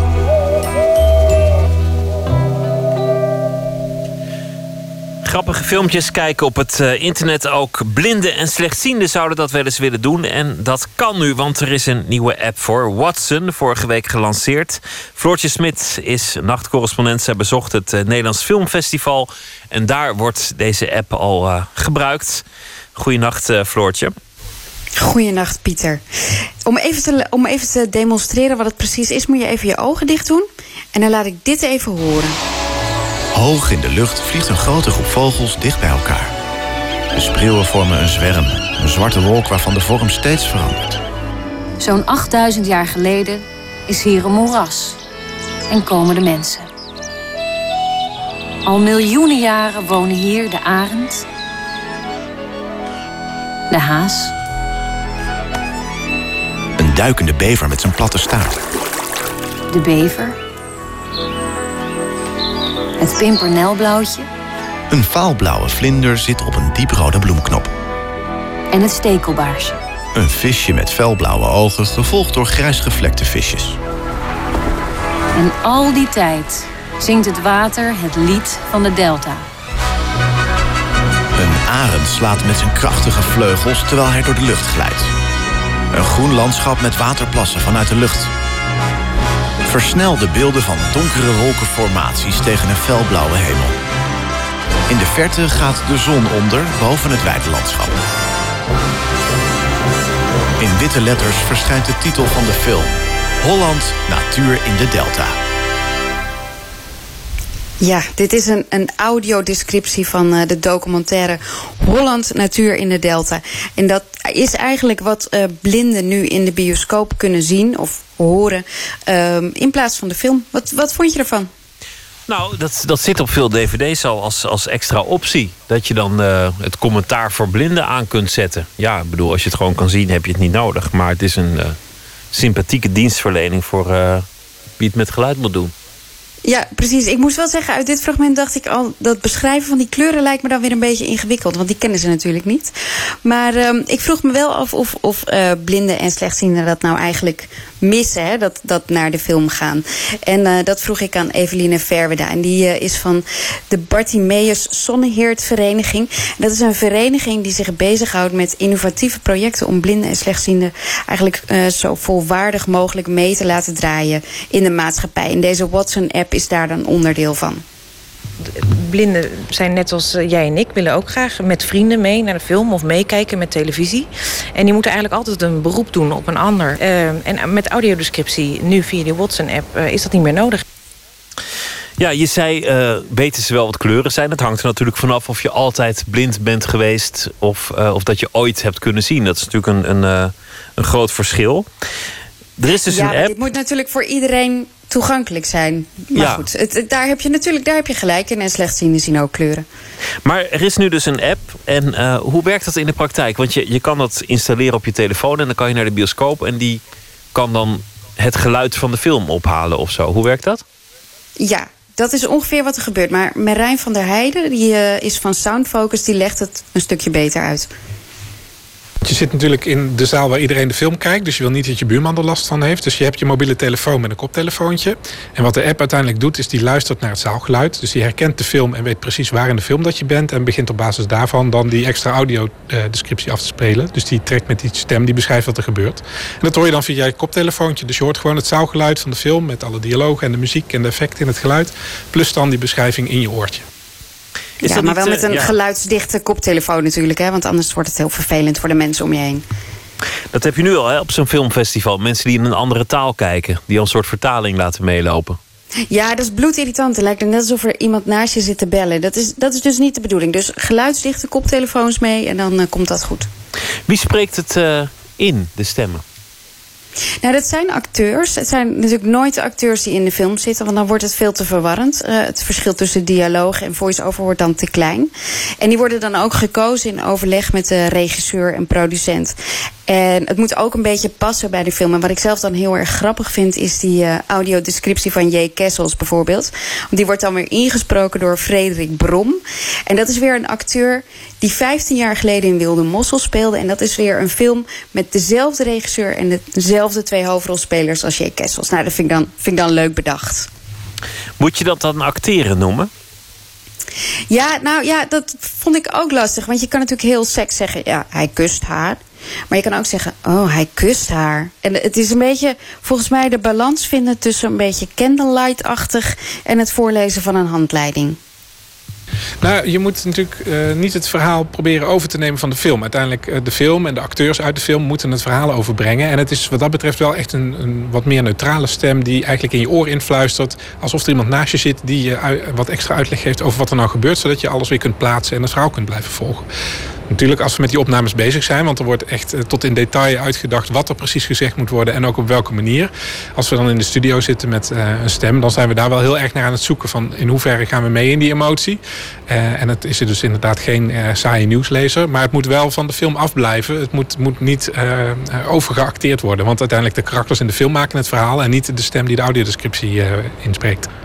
Hoe bouw je een schrik-effect op? Doe je dat nog? Of, of niet? Ja, het, het, hele idee van het schrijven van zo'n script... want dat is eigenlijk stap 1 in het productieproces... dus precies uitschrijven wat er uh, beschreven moet worden... Um, is dat dat wel filmisch blijft. Dus juist al die uh, effecten uit die film... die moeten ook voor degene die blind of slechtziend is werken. Dus we gaan geen dingen verklappen op het moment dat er nog een schrikreactie moet komen. Um, normaal gesproken is het inderdaad de regel dat je dingen introduceert... zodat uh, geluiden en dialogen niet plotseling komen... maar juist als er een schrikreactie moet zijn... laten we die eerst gebeuren en dan geven we snel de uitleg... zodat iedereen uh, overeind in zijn stoel zit. Ook de mensen die blind of slechtziend zijn. Romantische komedie lijkt me ook heel erg lastig. Want je moet ook nog iets als chemie en blikken en dat soort dingen. Wat is, wat is nou het moeilijkste om te vertalen naar zo'n audiodescriptie? Nou, inderdaad, humor is een hele, hele lastige. Uh, omdat er inderdaad een blik in iemands gezicht kan al waanzinnig veel vertellen. Um, en tegelijkertijd zijn het wel uh, films waarbij je ook weer met de juiste beschrijving ook gewoon die mensen wel mee kunt laten lachen. Dat hebben we in het verleden al met een aantal films uh, gehad en natuurlijk ook volop getest. We vragen ook altijd, omdat het nog relatief nieuw is, van de mensen die het gebruikt hebben van wat vond je ervan? Zou je nog dingen anders willen? een ander ding wat lastig is, um, flashbacks of flashbacks in flashbacks. Op het moment dat je heel snel daarin moet schakelen is dat moeilijk om uh, als je dat niet allemaal visueel ziet. Uh, om dat uh, alleen in audio over te brengen. Niet zo lang ja. geleden hadden we Vincent Bijlo te gast. En die zei dat hij dol was op het kijken naar tv. Ook als hij het niet helemaal begreep. Maar dat, dat televisie misschien nog wel leuker was als je niks zag. Ja, dat, dat kan je natuurlijk nooit weten. Maar dat was, was zijn gedachte daarbij. Nou, ik vind het wel, ik vind het wel een goed punt. Want in de, in, uh, met deze audiodescriptie wordt echt alles uitgelegd en alles verteld.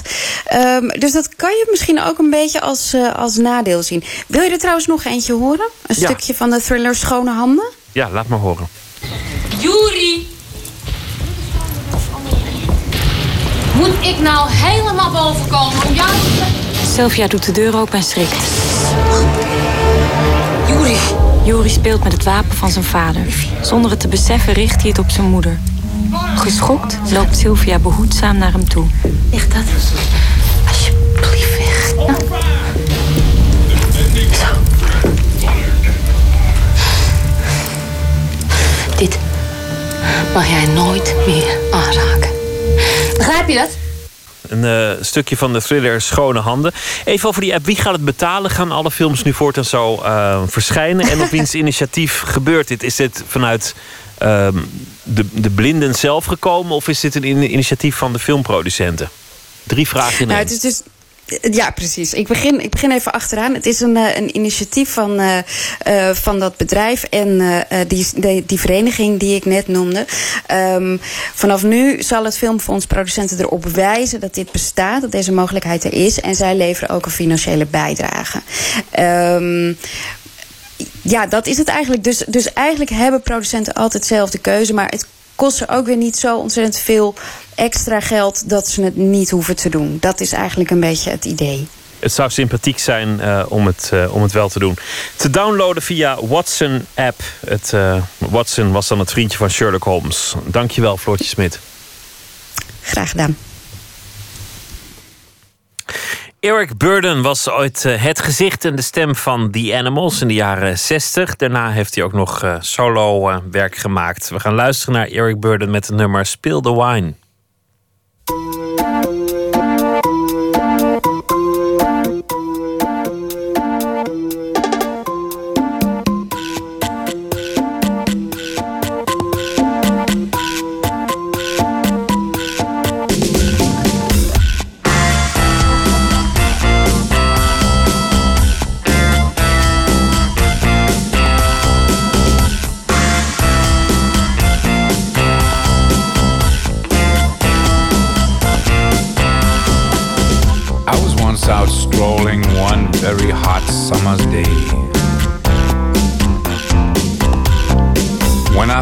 Lay myself down to rest in a big field of tall grass.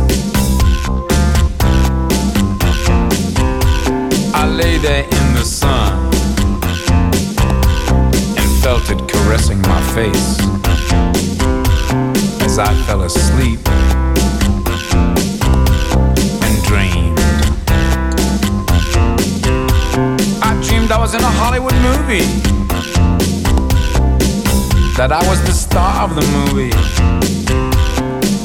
This really blew my mind. The fact that me, a long haired, overfed, leaping gnome, could be the star of a Hollywood movie.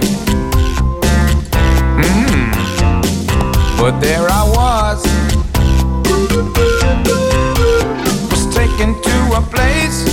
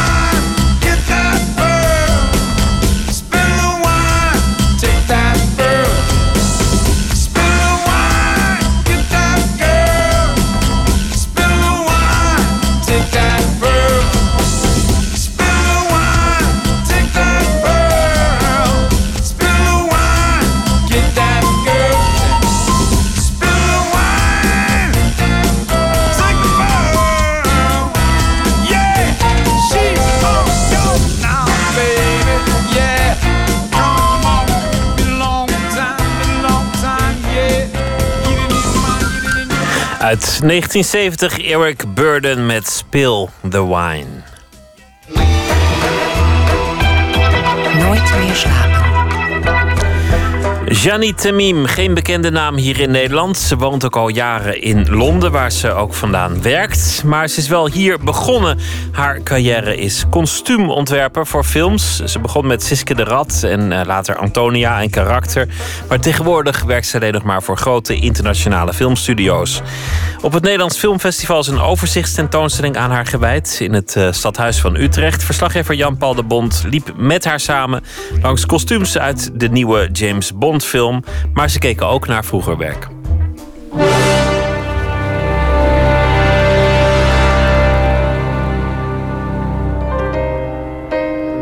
Skyfall, Spectre, Bridget Jones, Gravity, zes Harry Potter films. Het zijn geen kinderachtige titels waaraan Janine Temim haar naam heeft verbonden. Een geboren Française, dat is nog altijd duidelijk te horen, die het te woord staat met de professionele afstandelijkheid die bij dat succes hoort. This is the end. Een beetje een rumoerige expositiehal hier in het stadhuis in Utrecht. Maar we willen toch ondertussen even zien waar we het over hebben. Ja? Is dit uw eerste overzichtstentoonstelling? Nee, eigenlijk nee. Omdat voor uh, Harry Potter, we hebben uh, de kostuum van Harry Potter zijn, uh, ze hebben een speciale exhibitie die is in, uh, in Londen. En we hadden vorig jaar dat fantastische tentoonstelling uh, Hollywood, de, over de, de Hollywood kostuum.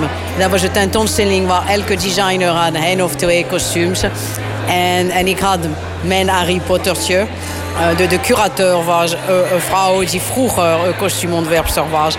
Dus die heeft de tentoonstelling gemaakt met de point of view van de kostuumdesigner. Maar dit was de tentoonstelling over onze werken. En onze contributie in de filmbusiness. Die contributie van u die gaat al terug naar halverwege de jaren 70 eigenlijk. Ja, toen u voor 40, Nederland... ja, het is hier 40 jaar van mijn leven. Gaat zo snel, hè? Ik doe het niet, vader. Jij doet wat je gezegd wordt. Vader doet toch voor je best wil, Famke. Het is toch niet omdat hij je niet vertrouwt? Haal je kleren nou maar. Morgen zien we wel weer verder. TV-serie Sil de Strandjutter uit 1976. Dat was een van de eerste grote klussen. Wat volgde is een lange rij Nederlandse producties. Tot en met de Oscar-winnaar Karakter uit 1997. Daarna verhuisde Temim naar Londen en nam haar carrière een internationale vlucht. Kunt u iets zeggen over wat er veranderd is ten aanzien van de plek die kostuumontwerp inneemt binnen de filmwereld? Vroeger, als je wilde quantity maken, je ging naar India. En nu je gaat naar Polen. Of naar uh, Roemenië of naar Bulgarije. Omdat daar heb je nu een uh, uh, hele goede atelier.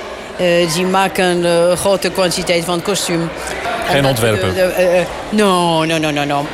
Ja, want daar heb ik nooit bij stilgestaan. Maar u ontwerpt natuurlijk een kostuum voor een aantal scènes. Maar er moeten talloze exemplaren van zijn, van die kostuums. Sí, ja, of course, of course. Elke kostuum, uh, uh, uh, eentje, dat bestaat niet. We hebben tenminste drie, vier van. Eerst omdat de, de leert is gemaakt op de stand-in. En de stand-in moet dus zelf kostuum dragen. Dan uh, heeft de stunt. Er heel veel stunt tegenwoordig. Elke, elke grote film, elke studiofilm heeft uh, heel veel, veel. En dan elke stunt heeft het zelf kostuum. Ja, dus het is een minimum, speciaal, bijvoorbeeld op bonden, is een minimum van 10 tot, tot 30. Ja. Kunnen we eens, een, want er hangen nu uh, een soort primeur van kostuums die in van de film. Spectre, ja. Spectre, de nieuwe Bondfilm. Ook, ik was ook uh, heel verbaasd om, uh, om de kostuum van Spectre te zien. Ik vind het ongelooflijk dat ze hebben dat kunnen krijgen, omdat de film is nog niet uit en de kostuums zijn daar. Dus het is echt een primeur, inderdaad. Ja. Kunnen we even een kijkje ja, nemen? Zeker. Welcome, James. It's been a finally, here we are.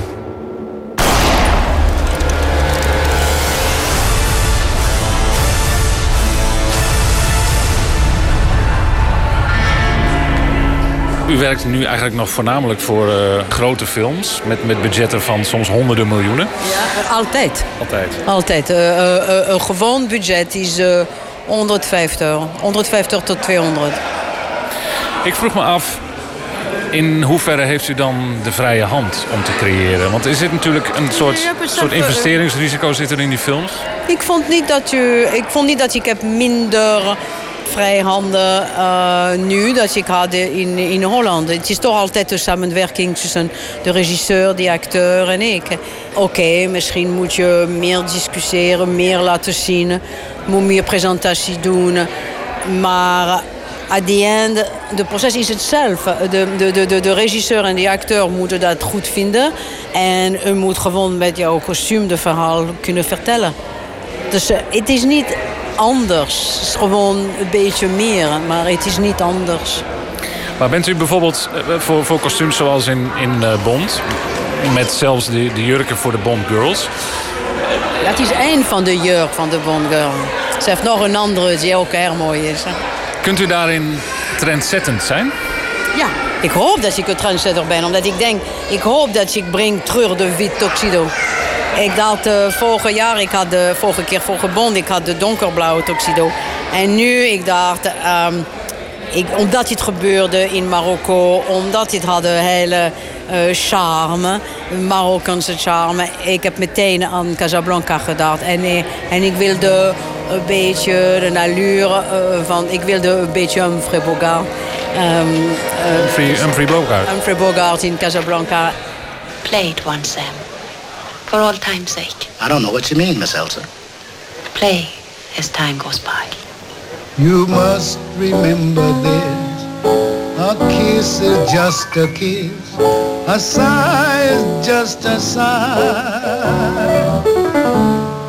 The fundamental things apply as time goes by. Nou eh, zo'n Bondfilm, daar gaat het nog om eh chique kleding, maar in ieder geval gewoon kleding. Maar films als voor Harry Potter, wat voor een deel fantasie is... daar moet u ook een enorme aanspraak maken op uw eigen fantasie. Ja, maar dat is ook fantasie. Ik wilde Humphrey Bogart in de sfeer van de jaren 30. We vertellen een verhaal. En de, ja, het is zelf. Ik denk, niet, ik denk dat alles is fantasie. Harry Potter was een fantasie. Maar in Harry Potter ik moest een realisme brengen. Omdat de kinderen, de teenager, moesten zichzelf erkennen in Harry Potter. En toen de publiek werden van de 10 naar 14, ik kon niet meer uh, ik moest realisme erin brengen. Omdat elke teenager moet zichzelf erkennen in Harry Potter. Maar dat is wat hij was. Hij was gewoon een, een buurjongen met een beetje een probleem. En uh, misschien een talent dat die anderen niet hadden.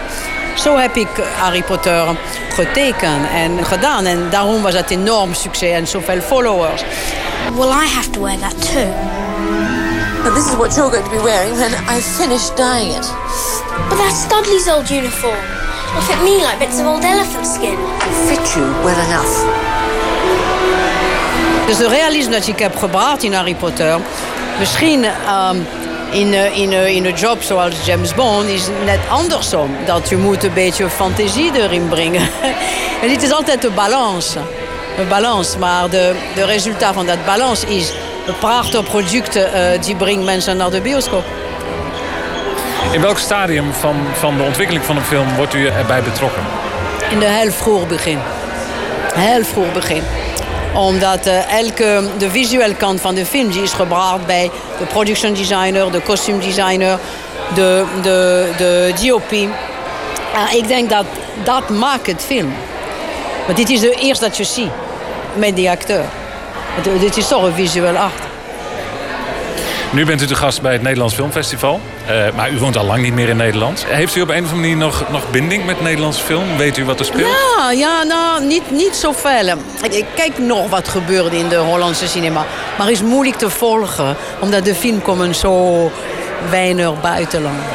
Wat is het niveau van het kostuumontwerp in Nederland momenteel? Niet slecht, omdat mijn, mijn assistent... Ik heb ze een van de beste upbringing, denk ik, gegeven. En ze zijn echt goed heel talentvolle dames. Het is niet zoveel de talent van de mensen, het is de mogelijkheden. Tijd om te denken, tijd om bij iets moois te doen, die altijd een beetje mis je. Het zijn, het zijn toch vaak haastklussen? Ja, haastklussen zonder geld. Dus dan heb je minder tijd om te evolueren en te doen de maximaal dat, dat je wil. Het is niet de talent, de talent is hier.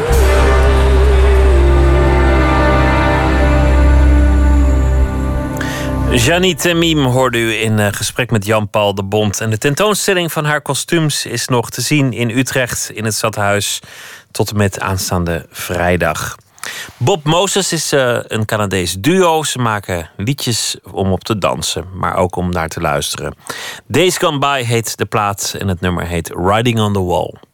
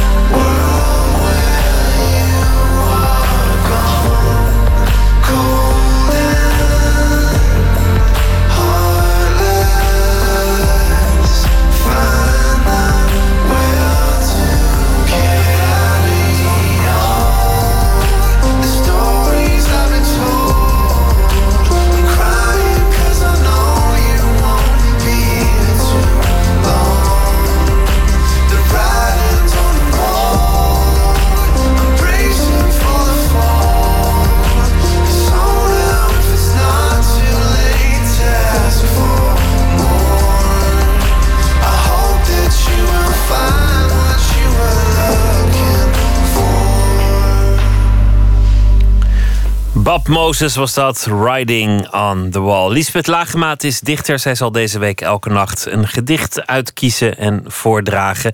Zelf debuteerde ze in 2005 met een bundel Een Grimwoud in mijn keel. En de laatste bundel heet Nachtopera. Ze kiest voor deze nacht een liefdesgedicht van de dichter Hadewig. Ik ga voorlezen, een liefdesgedicht uit de 13e eeuw.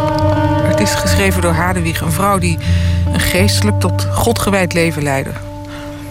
En om zich heen had ze een groep jonge vrouwen verzameld. Hadewig ging hen voor in de kunst der minnen. En dat is bij haar de zuivere liefde tot God. Maar ze schreef haar gedichten in de vorm van de troubadourslyriek van haar tijd. De troubadours zien in de minne de liefde zelf, of de aanbeden vrouw. Toen ik dit gedicht voor het eerst las, op mijn zestiende... was ik ervan overtuigd dat Hadewig sprak tot een man... op wie ze zwaar verkikkerd was. Het kwam echt niet in me op, als verliefde puber... dat iemand zo knettergek van liefde kon zijn voor God. Uiteindelijk zijn het misschien wel dezelfde bewegingen van het hart, van de ziel. Alleen anders gericht. Ik vertel eerst kort de inhoud van het gedicht. Dan kan je het middel-Nederlands beter begrijpen. Al is de natuur bedroefd, het edele hart moet niet verdrietig zijn. Het zal alles, lief en leed ervaren in het beminnen. De dapperen die zich volledig aan de onverzadigbare minnen hebben overgegeven, moeten zonder voorbehoud troost en slaag van de minnen ontvangen. Minnen is wispelturig, maar nodigt ons uit volledig op te gaan in de liefde. Wie dit kan, ervaart de extase van neergeslagen en omhelst te worden op hetzelfde moment. Extase en vertwijfeling nemen en geven, dat is het lot van de minnaar. Dat kennen we allemaal. En nu, Hadewig, niet tot een man, maar tot God. 13e eeuw. Al droeven die tiet en die die vogeline, dan darf niet doen die herte fine die door een minne wil dogen. Hier zal weten en de kinne al, zuut en de vreed, lief en de leed wat men ter minne plegen zal. Die vieren die daartoe zien gedegen, dat ze ongekuster minne plegen, ze zullen in alle wegen daar jegen stout zien en de koene. En de algereed ontvaan zie troost, zie slaan van minne doenen. Der minne plegen is ongehoord, als hier wel kind dies heeft het behoord. Want zie in minne den troost terstoort. Hier kan geduren, die minne geraakt. Hier gesmaakt vele ongenoemder uren. Wie wiele heet, wie wiele koud. Wie wiele blode, wie wiele bout. Hare ongeduren menig fout. Die minne al maand die grote scout, hare rieke gewoud, daar zie ons toe spaant. Wie wiele lief, wie wiele heet, wie wiele verre, wie wiele gereed. Die dit met trouwen van minne versteed, dat is jubileren. Hoe minne versleet en de ommeveet in één hanteren. Wie wiele genederd, wie wiele gehoogerd. Wie wiele verborgen, wie wiele getogerd. Eer zulk van minne werd gezogerd, doget die grote avonturen. Eer hier geraakt, daar hier gesmaakt, der minne naturen. Wie wiele licht, wie wiele zwaar. Wie wiele donker, wie wiele klaar. In vrie, in troost, in bedwongener vaar, in nemen en in geven, moeten die zinnen die dolen in minnen, altoos hier leven. Lisbeth Lagemaat las een 13e eeuws liefdesgedicht van Hadewig. Morgen in Nooit meer slapen acteur Jorik van Wageningen. Een van Nederlands meest succesvolle acteurs, ook in Hollywood. Speelde in uh, films als The Girl with the Dragon Tattoo en The New World. En ook in Nederlandse films uh, Oorlogswinter en De Wederopstanding van een klootzak. Morgen is hij uh, te gast, want hij is in het land vanwege het filmfestival in Utrecht. Voor nu een hele goede nacht, morgen een fijne dag en graag weer tot dan.